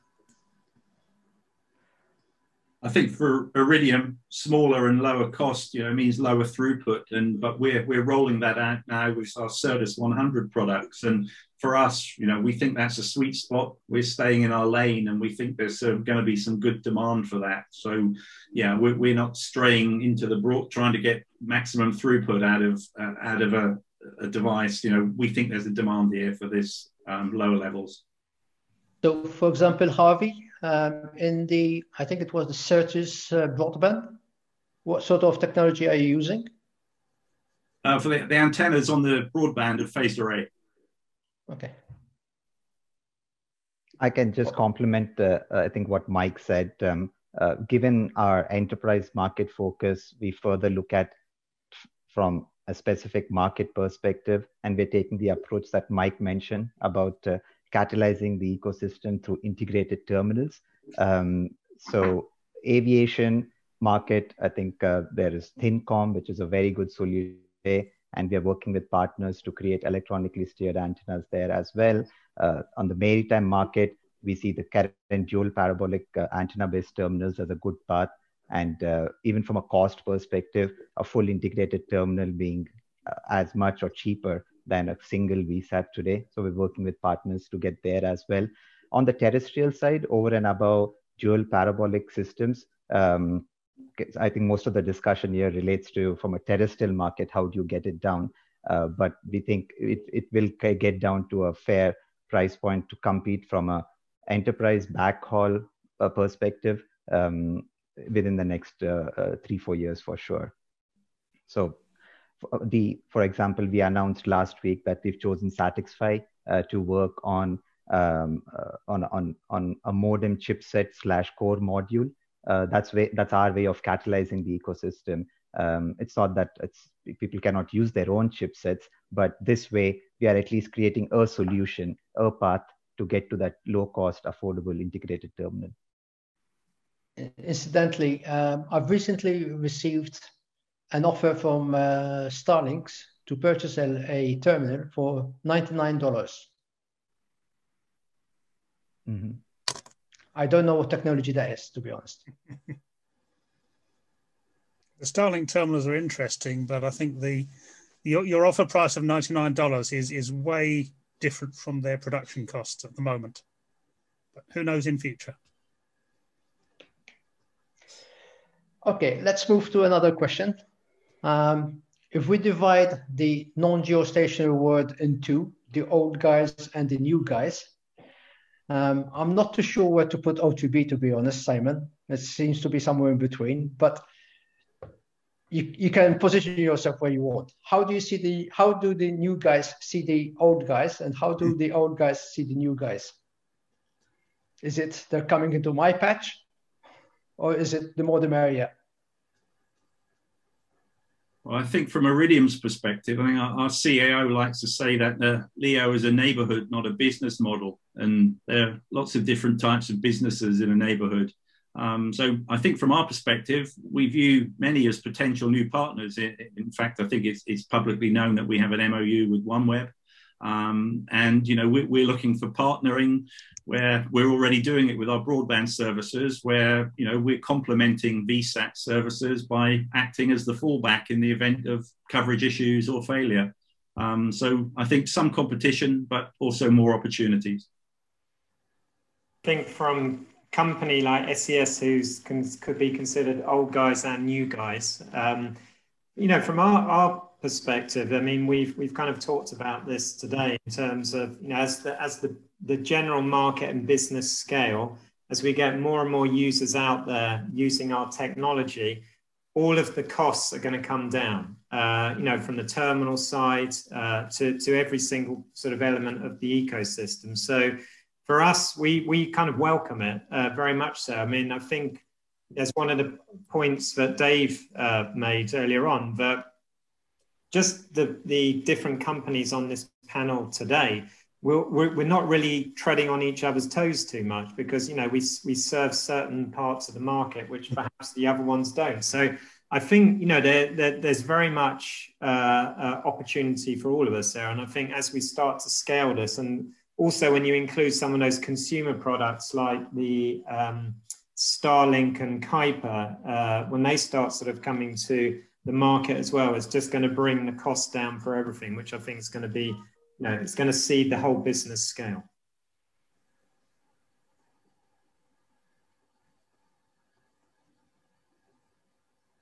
I could have a personal opinion on it. I say I, I say I could say I used to work for one of the old guys. Now I'm working for one of the new guys, but I won't. but uh, but no, I think all the different systems are evolving. Yeah, I mean, yeah, I mean, yeah, yeah, yeah, I mean, yeah, and uh, yeah, although OneWeb is busy, you know, getting ready to yeah to start our commercial service of our Gen One, we're already working on yeah Gen Two and Gen Three. I mean, there's always the future and and looking at you know and you and you, you use your current system to to often test the future, and we're even doing tests on the current system, which will you know in you know uh, working with uh, the UK government and satellite catapult, for example, looking at uh, positioning, timing, and uh, navigation capabilities for the future. So yeah, I think we all have a, a long roadmap, and that's what we yeah we so old and new is probably not not not that applicable really. Sorry, I lost my earpiece. um, interestingly, there's a question from the public which says, do you think years down the line, there will be a scope of business like OneWeb, uh, Blue Origin, SpaceX might share their SATCOM infrastructure to, co to collectively provide broadband services similar to what BT does with competitors like uh, 3, O2, etc. So I think, I, I can't remember, I think it was Harvey who mentioned that there's collaboration with OneWeb. That's right. I think from from our network's perspective, that's probably less likely compared to some of some of the new guys. As I said, I think we're we're looking to stay in our lane. We we know our business model, and I think that's probably where we'll stay. Other than, as I say, complementing some of those networks. Talking of competition, there's competition between you lot, so to speak, but there's also competition from uh, China and other um, regions. What do you think? Competition is never going to go away. I mean, if China decides it's going to do something, it's going to do something, and we have to find a way of living with it. And maybe there's more cooperation potential. Yeah, I agree. Yeah, I mean, you could say if, if there's a competitive environment, it makes people do things better. You know, you, you, don't get complacent. You, you're always looking at distinguishing yourself and uh, and having a, a value proposition which is is is better for your customers and it it may be technology driven it may be how you yeah how you work with your customers. Are you a good you know and and uh, and it's those partnerships you build as well as just the, the technology. So i think uh, you know uh, in a competitive environment you know uh, you know uh, you know you, you have to be nimble you have to be agile and you have to and you have to move to the future I think anybody who fears competition shouldn't be in this game, really. that applies across I like that. I like that. Yeah, yeah, yeah, you're right. That's good. That's good. I think it's the right attitude. Um, another question.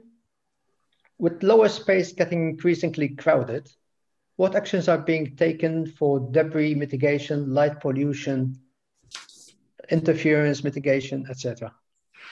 Uh, and include I, the radio astronomers in that one. Their, their small signals are being attenuated or scattered.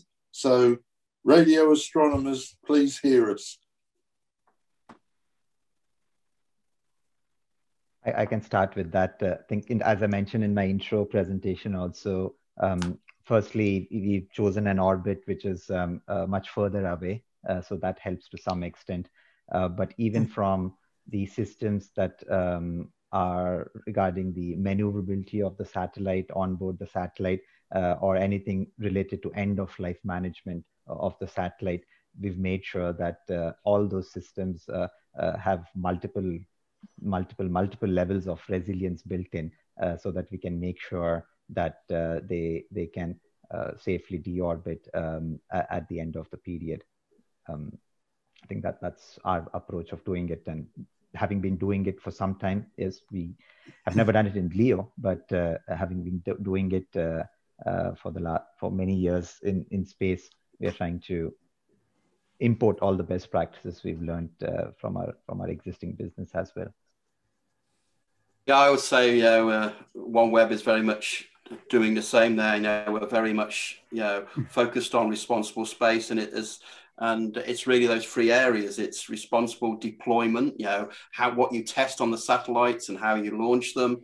Um, and it's responsible operation in space you know your your you know how you your your your you know what uh, thrusting system you use how how agile you can be the active management for conjunction avoidance of your of your management systems everything's predictable um, and then it's how you responsibly dispose of the satellites, whether you're, you know, in you're in LEO orbit, whether you, you know, how you deorbit them, uh, what you, how you put them in a safe mode before you do that. If you only have electronic thrusters and no fuel on board, that's that's a nice starting point. Um, and yeah, it's it's it's and and if you can in future, if uh, things do go wrong, if you can have a, a, grappling hook, as we call it, that our satellites have, which has been uh, you know, designed for the future, the the the in orbit refuge collectors can can move your satellites out the way, and that is a business that people are working on for the future. So. Oh, boy. Yes, oh, my, oh my goodness. I think from Iridium's perspective, it's not a not a, an area of expertise for me, but I think you know we, we've, we've done our bit with our original constellation. Um, I think the guidelines say we've got a 25 year disposal window, but I think we average deorbiting them in 90 days. So all, all of ours have uh, been deorbited. I think most of the sort of um, satellite operators certainly um, accept their kind of responsibility when it comes to you know keeping enough fuel on board the satellites at the end of life so they can deorbit them and they break up in the Earth's atmosphere as they they come down. Uh, I'm also sort of very much encouraged by some of these new companies. In fact, I read about one for the first time just um, last week in the, in the UK press, uh, a company called Astroscale, um, which is a British company, but a bit like what Dave just said, is going to go around harpooning satellites, uh, ones which are stuck up in, in orbit, uh, haven't had enough fuel to deorbit them. And um, yeah, I think you know very excited about that kind of technology, sort of scaling out in the future to to to clean up um, all orbits, whether it's GEO, MEO, or LEO.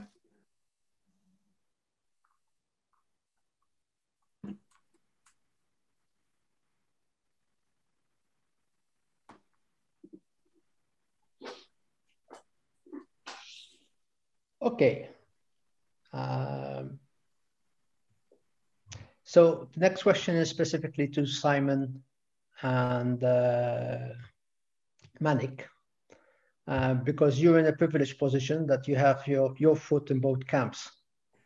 Um, Simon with uh, SES is, a, is both a GEO and a MEO operator, and Manik uh, would be in a similar situation uh, with GEO and LEO. How do you see the uh, the market share, or rather the the split of revenues between the two systems in say five, ten years when the when both markets are mature? Um, maybe, maybe, I can sort of take a stab at that one first. So, um, you know, from an SES perspective today, um, we still have um, a higher proportion of our overall revenue is um, attached to our video business. Um, this, you know, is a, is a is a market which isn't growing. Um, luckily, it's not shrinking too fast either. But for us, in particular, is definitely the SES network side of the business, which is growing faster with sort of double-digit growth over the last few years, and it's forecast to sort of take over the video side uh, in terms of revenues um, sometime in the next three years. So um, we're, we're, very much sort of gearing for the future. Um, and most of the investments that we're making now um, are in the network side of the um, uh, business and very much also uh, investing in the uh, NGSO constellation as well in mPOWER because we very much see that as being kind of the future um, in terms of our uh, data networks that we're providing our customers. Um, so yeah, that's and and actually the mPOWER constellation is very similar to the O3b. So we can scale it as and when we get uh, the demand. So the O3b uh, constellation started with six satellites, now it's up to 20. Um, the initial constellation on O3b is going to be 11. And again, we can kind of scale that out as and when we see demand. So that's that's very much the, the, the future for our business. So from Telesat side, um, I think it goes back to what is the the use case. So from a broadcast perspective, definitely that will remain on geo satellites. We don't intend to serve that with uh, Lightspeed, our LEO network but uh, from enterprise and, and data services or two-way services, um, eventually it'll all be uh, on LEO, on Lightspeed. Uh, we are not integrating our GEO satellites with our LEO satellites for data services. Um, I don't have an exact window of how it'll transition to that. Is it it's going to take five years or more? I don't know. But um, um, if we goes back to all, all the key capabilities that the market is demanding uh, low latency, high capacity, the full global service. Uh, and uh, we truly believe that it can only be served via Leo network. So eventually it will be all data services will be on Leo.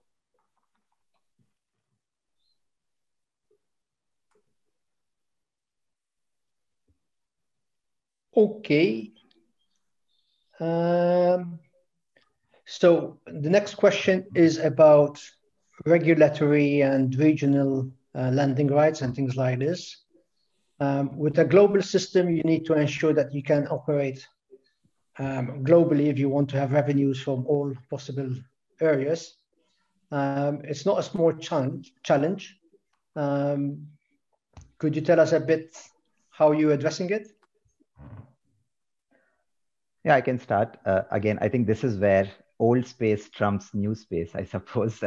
You you we like ses or other existing players uh, we've been doing this for a lot of time. We we, we, we we've been operating and getting uh, landing rights market access and so forth uh, pretty much all over the world today. Um, yes, the playbook will be different uh, for NGSOs. Uh, different rules will apply, uh, but more or less the, the the way about going going about it is is kind of still in a highly regulated, uh, process-driven manner. Um, so uh, we, we've going about it in a, in a, in a, in a fairly correct way.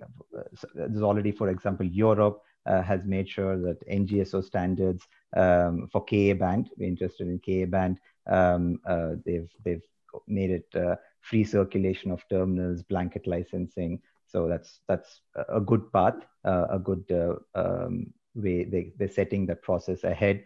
And uh, we're working through the process in all the other countries, um, as you would expect any business plan to do. Start with your key markets and then go towards the smaller markets. Yeah, talking about OneWeb, uh, very very similar. I mean, we, yeah, we're not ALLSPACE, but we hired people from ALLSPACE to do the same work. So, so we uh, we have a very capable, you know, team who's been working on market access. But we're also, uh, as I said earlier, know, not going yeah, we're not doing stuff ourselves. We have local partners in these countries. You know, the we, we we're not going to be an internet service provider in a country. Yeah, that's our customer doing that, the the distribution partner, and they already have their you know regular their licenses in place, and we just uh, help them with the ele- elements that are new for them. So I think yeah, and, and as an industry, I think we've done a lot of good work there in terms of terminal certification and blanket licensing, which uh, either in KU band or KA band, uh, which which uh, has made uh, made it a lot easier for everybody. Um, and it's you know so I think it's all about you know uh, your partnerships and and some of the operators you know who aren't on this pa- uh, panel who think they can just bypass everything and do it all themselves. Uh, I think you're going to have a bit of a wake up call soon. I think David is absolutely right there. The partnerships are absolutely key to to a success on any of these things.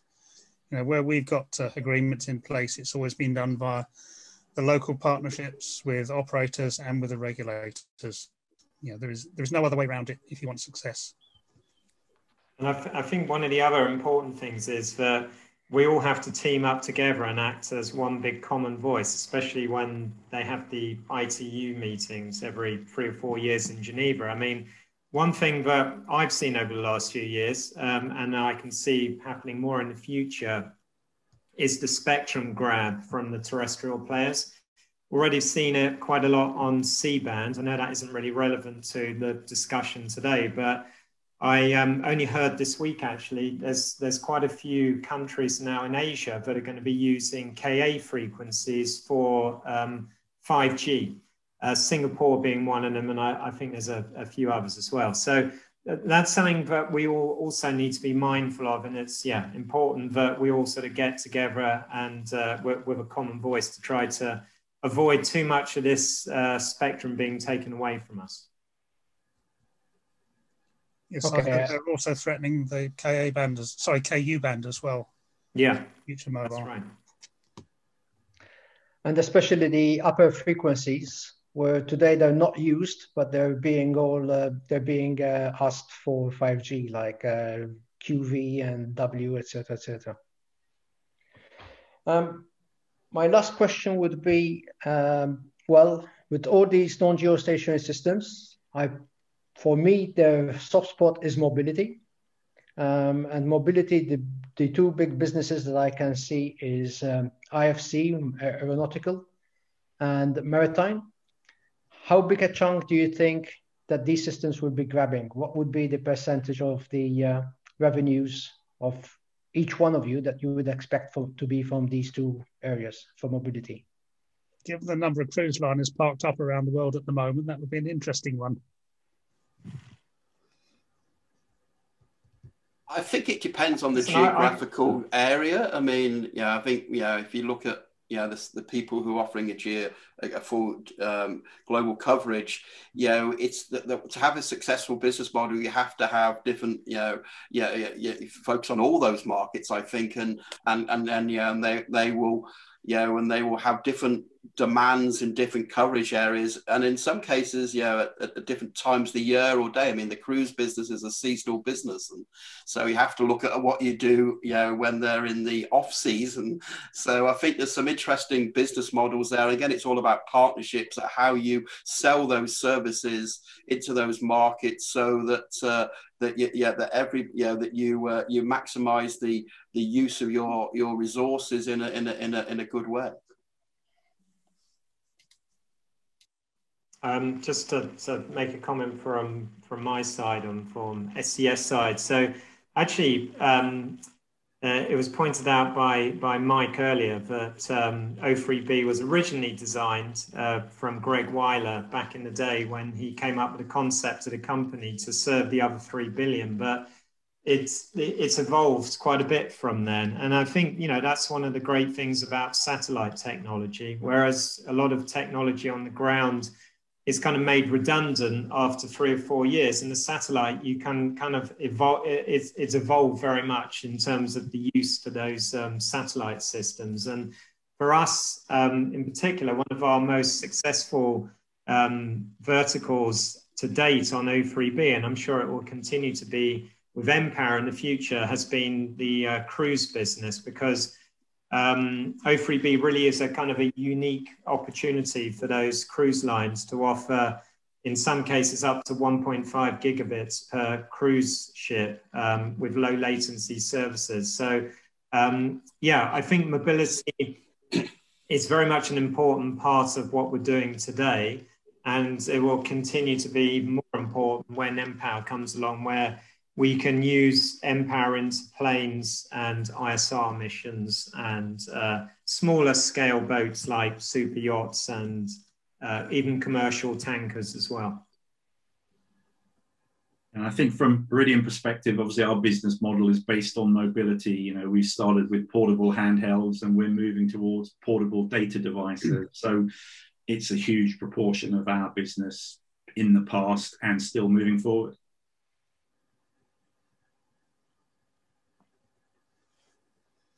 I think there's also unexplored markets which uh, which we need to keep an eye on. I mean, you mentioned tankers a few moments ago, and as tankers become more and more autonomous with just you know one or two as a crew on there, with everything linked back to some control center, then you know this is an area that uh, will become more prevalent in in years to come.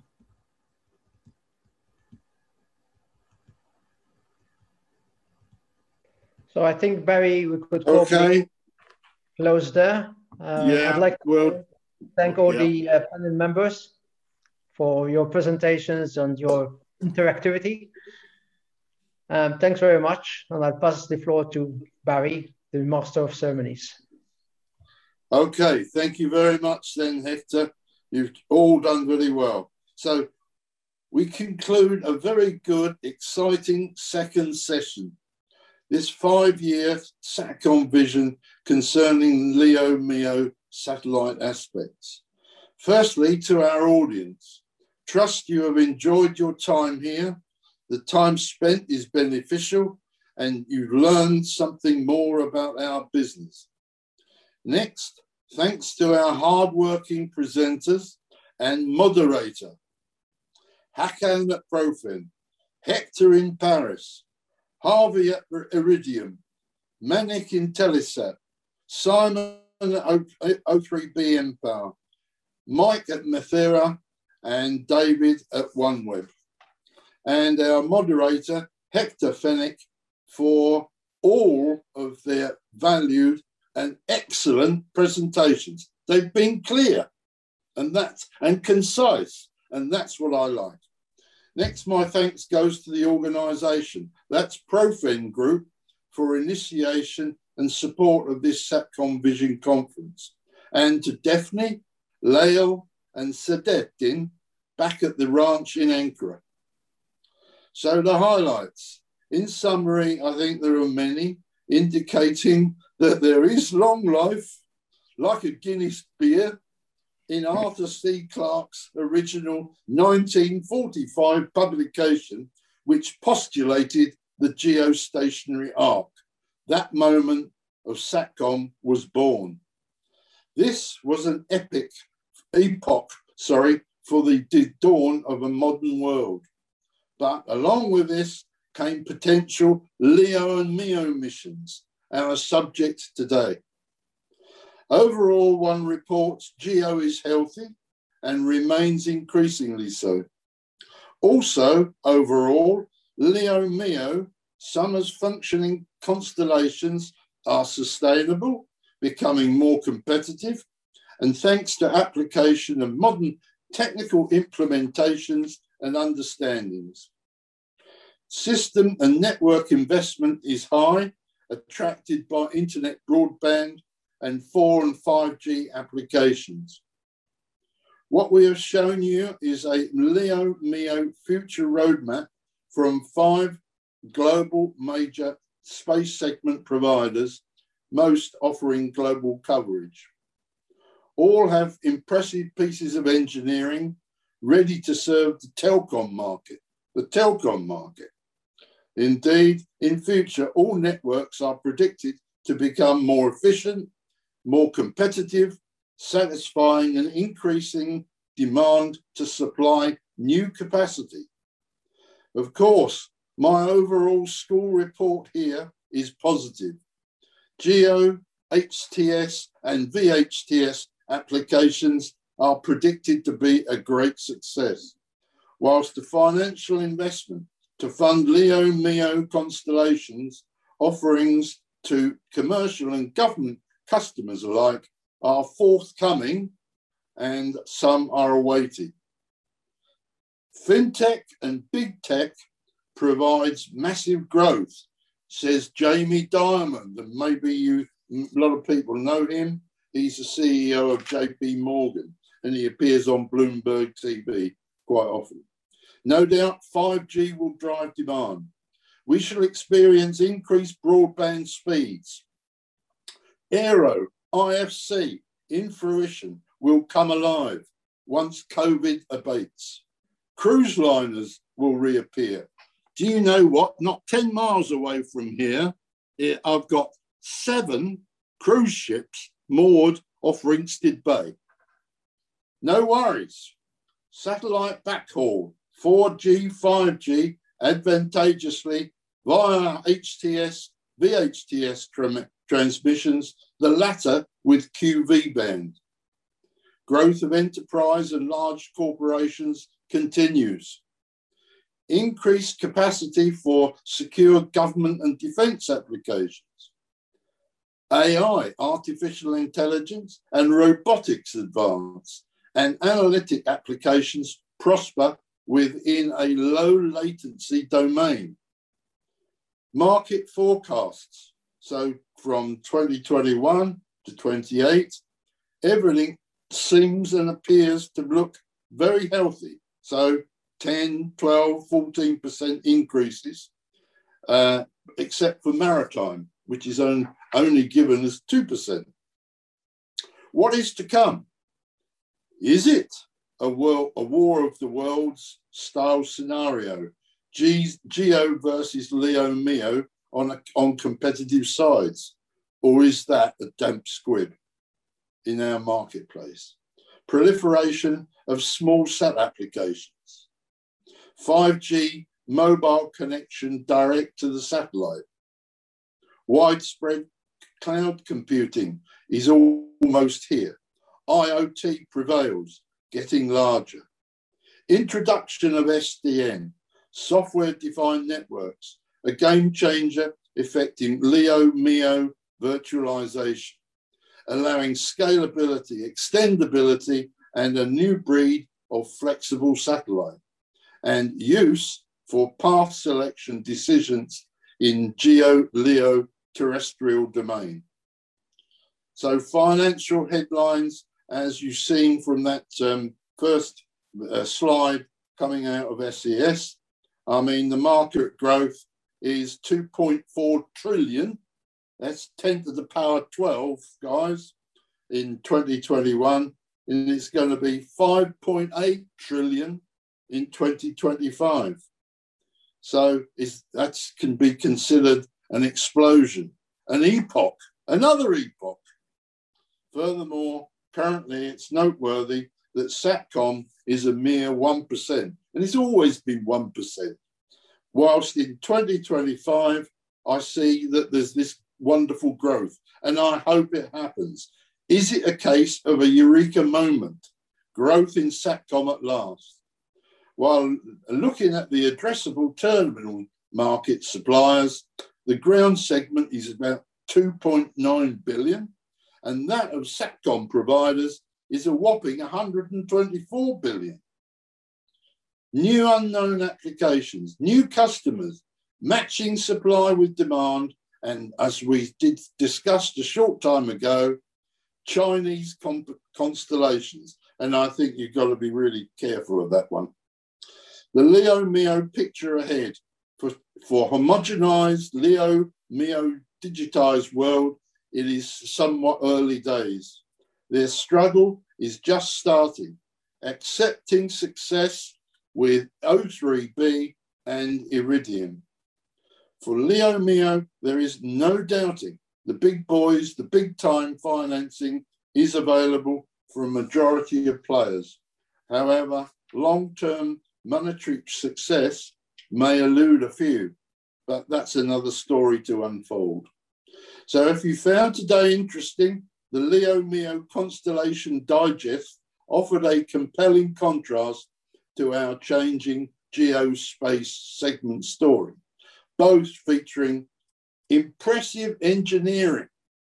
So my questions to each member of the audience, where does all the foregoing leave you as a believer? Singularly geo, singularly MEO, singularly Leo, or hybrid in relief? I think we've we've had some answers there. So more company mergers and acquisitions will continue to promote long-term prosperity and solidarity in the SATCOM segment. And for predicted downstream SATCOM epoch happening, in essence, it is well characterized by the Victorian author Charles Dickens. So I've borrowed word from him entitled It's Great Expectations to summarize on behalf of the Leo MEO camp. Too early to say, perhaps, so stay tuned on that. So, my final takeaway, and this is where I'm going to start wrapping up. Finally, my final, our future is not cancelled because of COVID. Our innovative life with SATCOM continues regardless. It did not get us all this time. So remain positive, we live on. So other items now, and this is a bit of an advertise, advertisement here. Hector has a new book, and it's not it quite published yet. When is it going to be published, Hector? So anyway, high throughput. End of this month in uh, the US. Yeah. And end of next month, April, in the rest of the world, internationally. Okay, now this book may well be of great interest to some of the audience. So please make contact directly with Hector. His email address is given at the end, excuse me, of his presentation. So my final word, we, Profen and I are preparing additional virtual SATCOM conferences concentrating upon supporting the latest GeoMEO LEO ground segment technological advances. We have a nominal or nominal dates of October the 21st, October the 21st, November the 25th, where one can learn more about VSAT and user terminals and IoT, ML, cloud applications, respectively. so, final message of, from Barry now to all CEOs, marketing people, BD, sales groups who may be interested about business in the country of Turkey. It possesses 80 million population of mainly younger average age group than most countries and has a growing high-tech economy. So I suggest it is a worthy market to court and support. So, guys, everywhere, wherever you may, wherever you may be, um, till next time, and thank you for tuning in here. We hope you enjoyed it, and uh, it's been valuable time spent. Thanks very much, Barry. Thank you. Thank you. Bye. Thank you.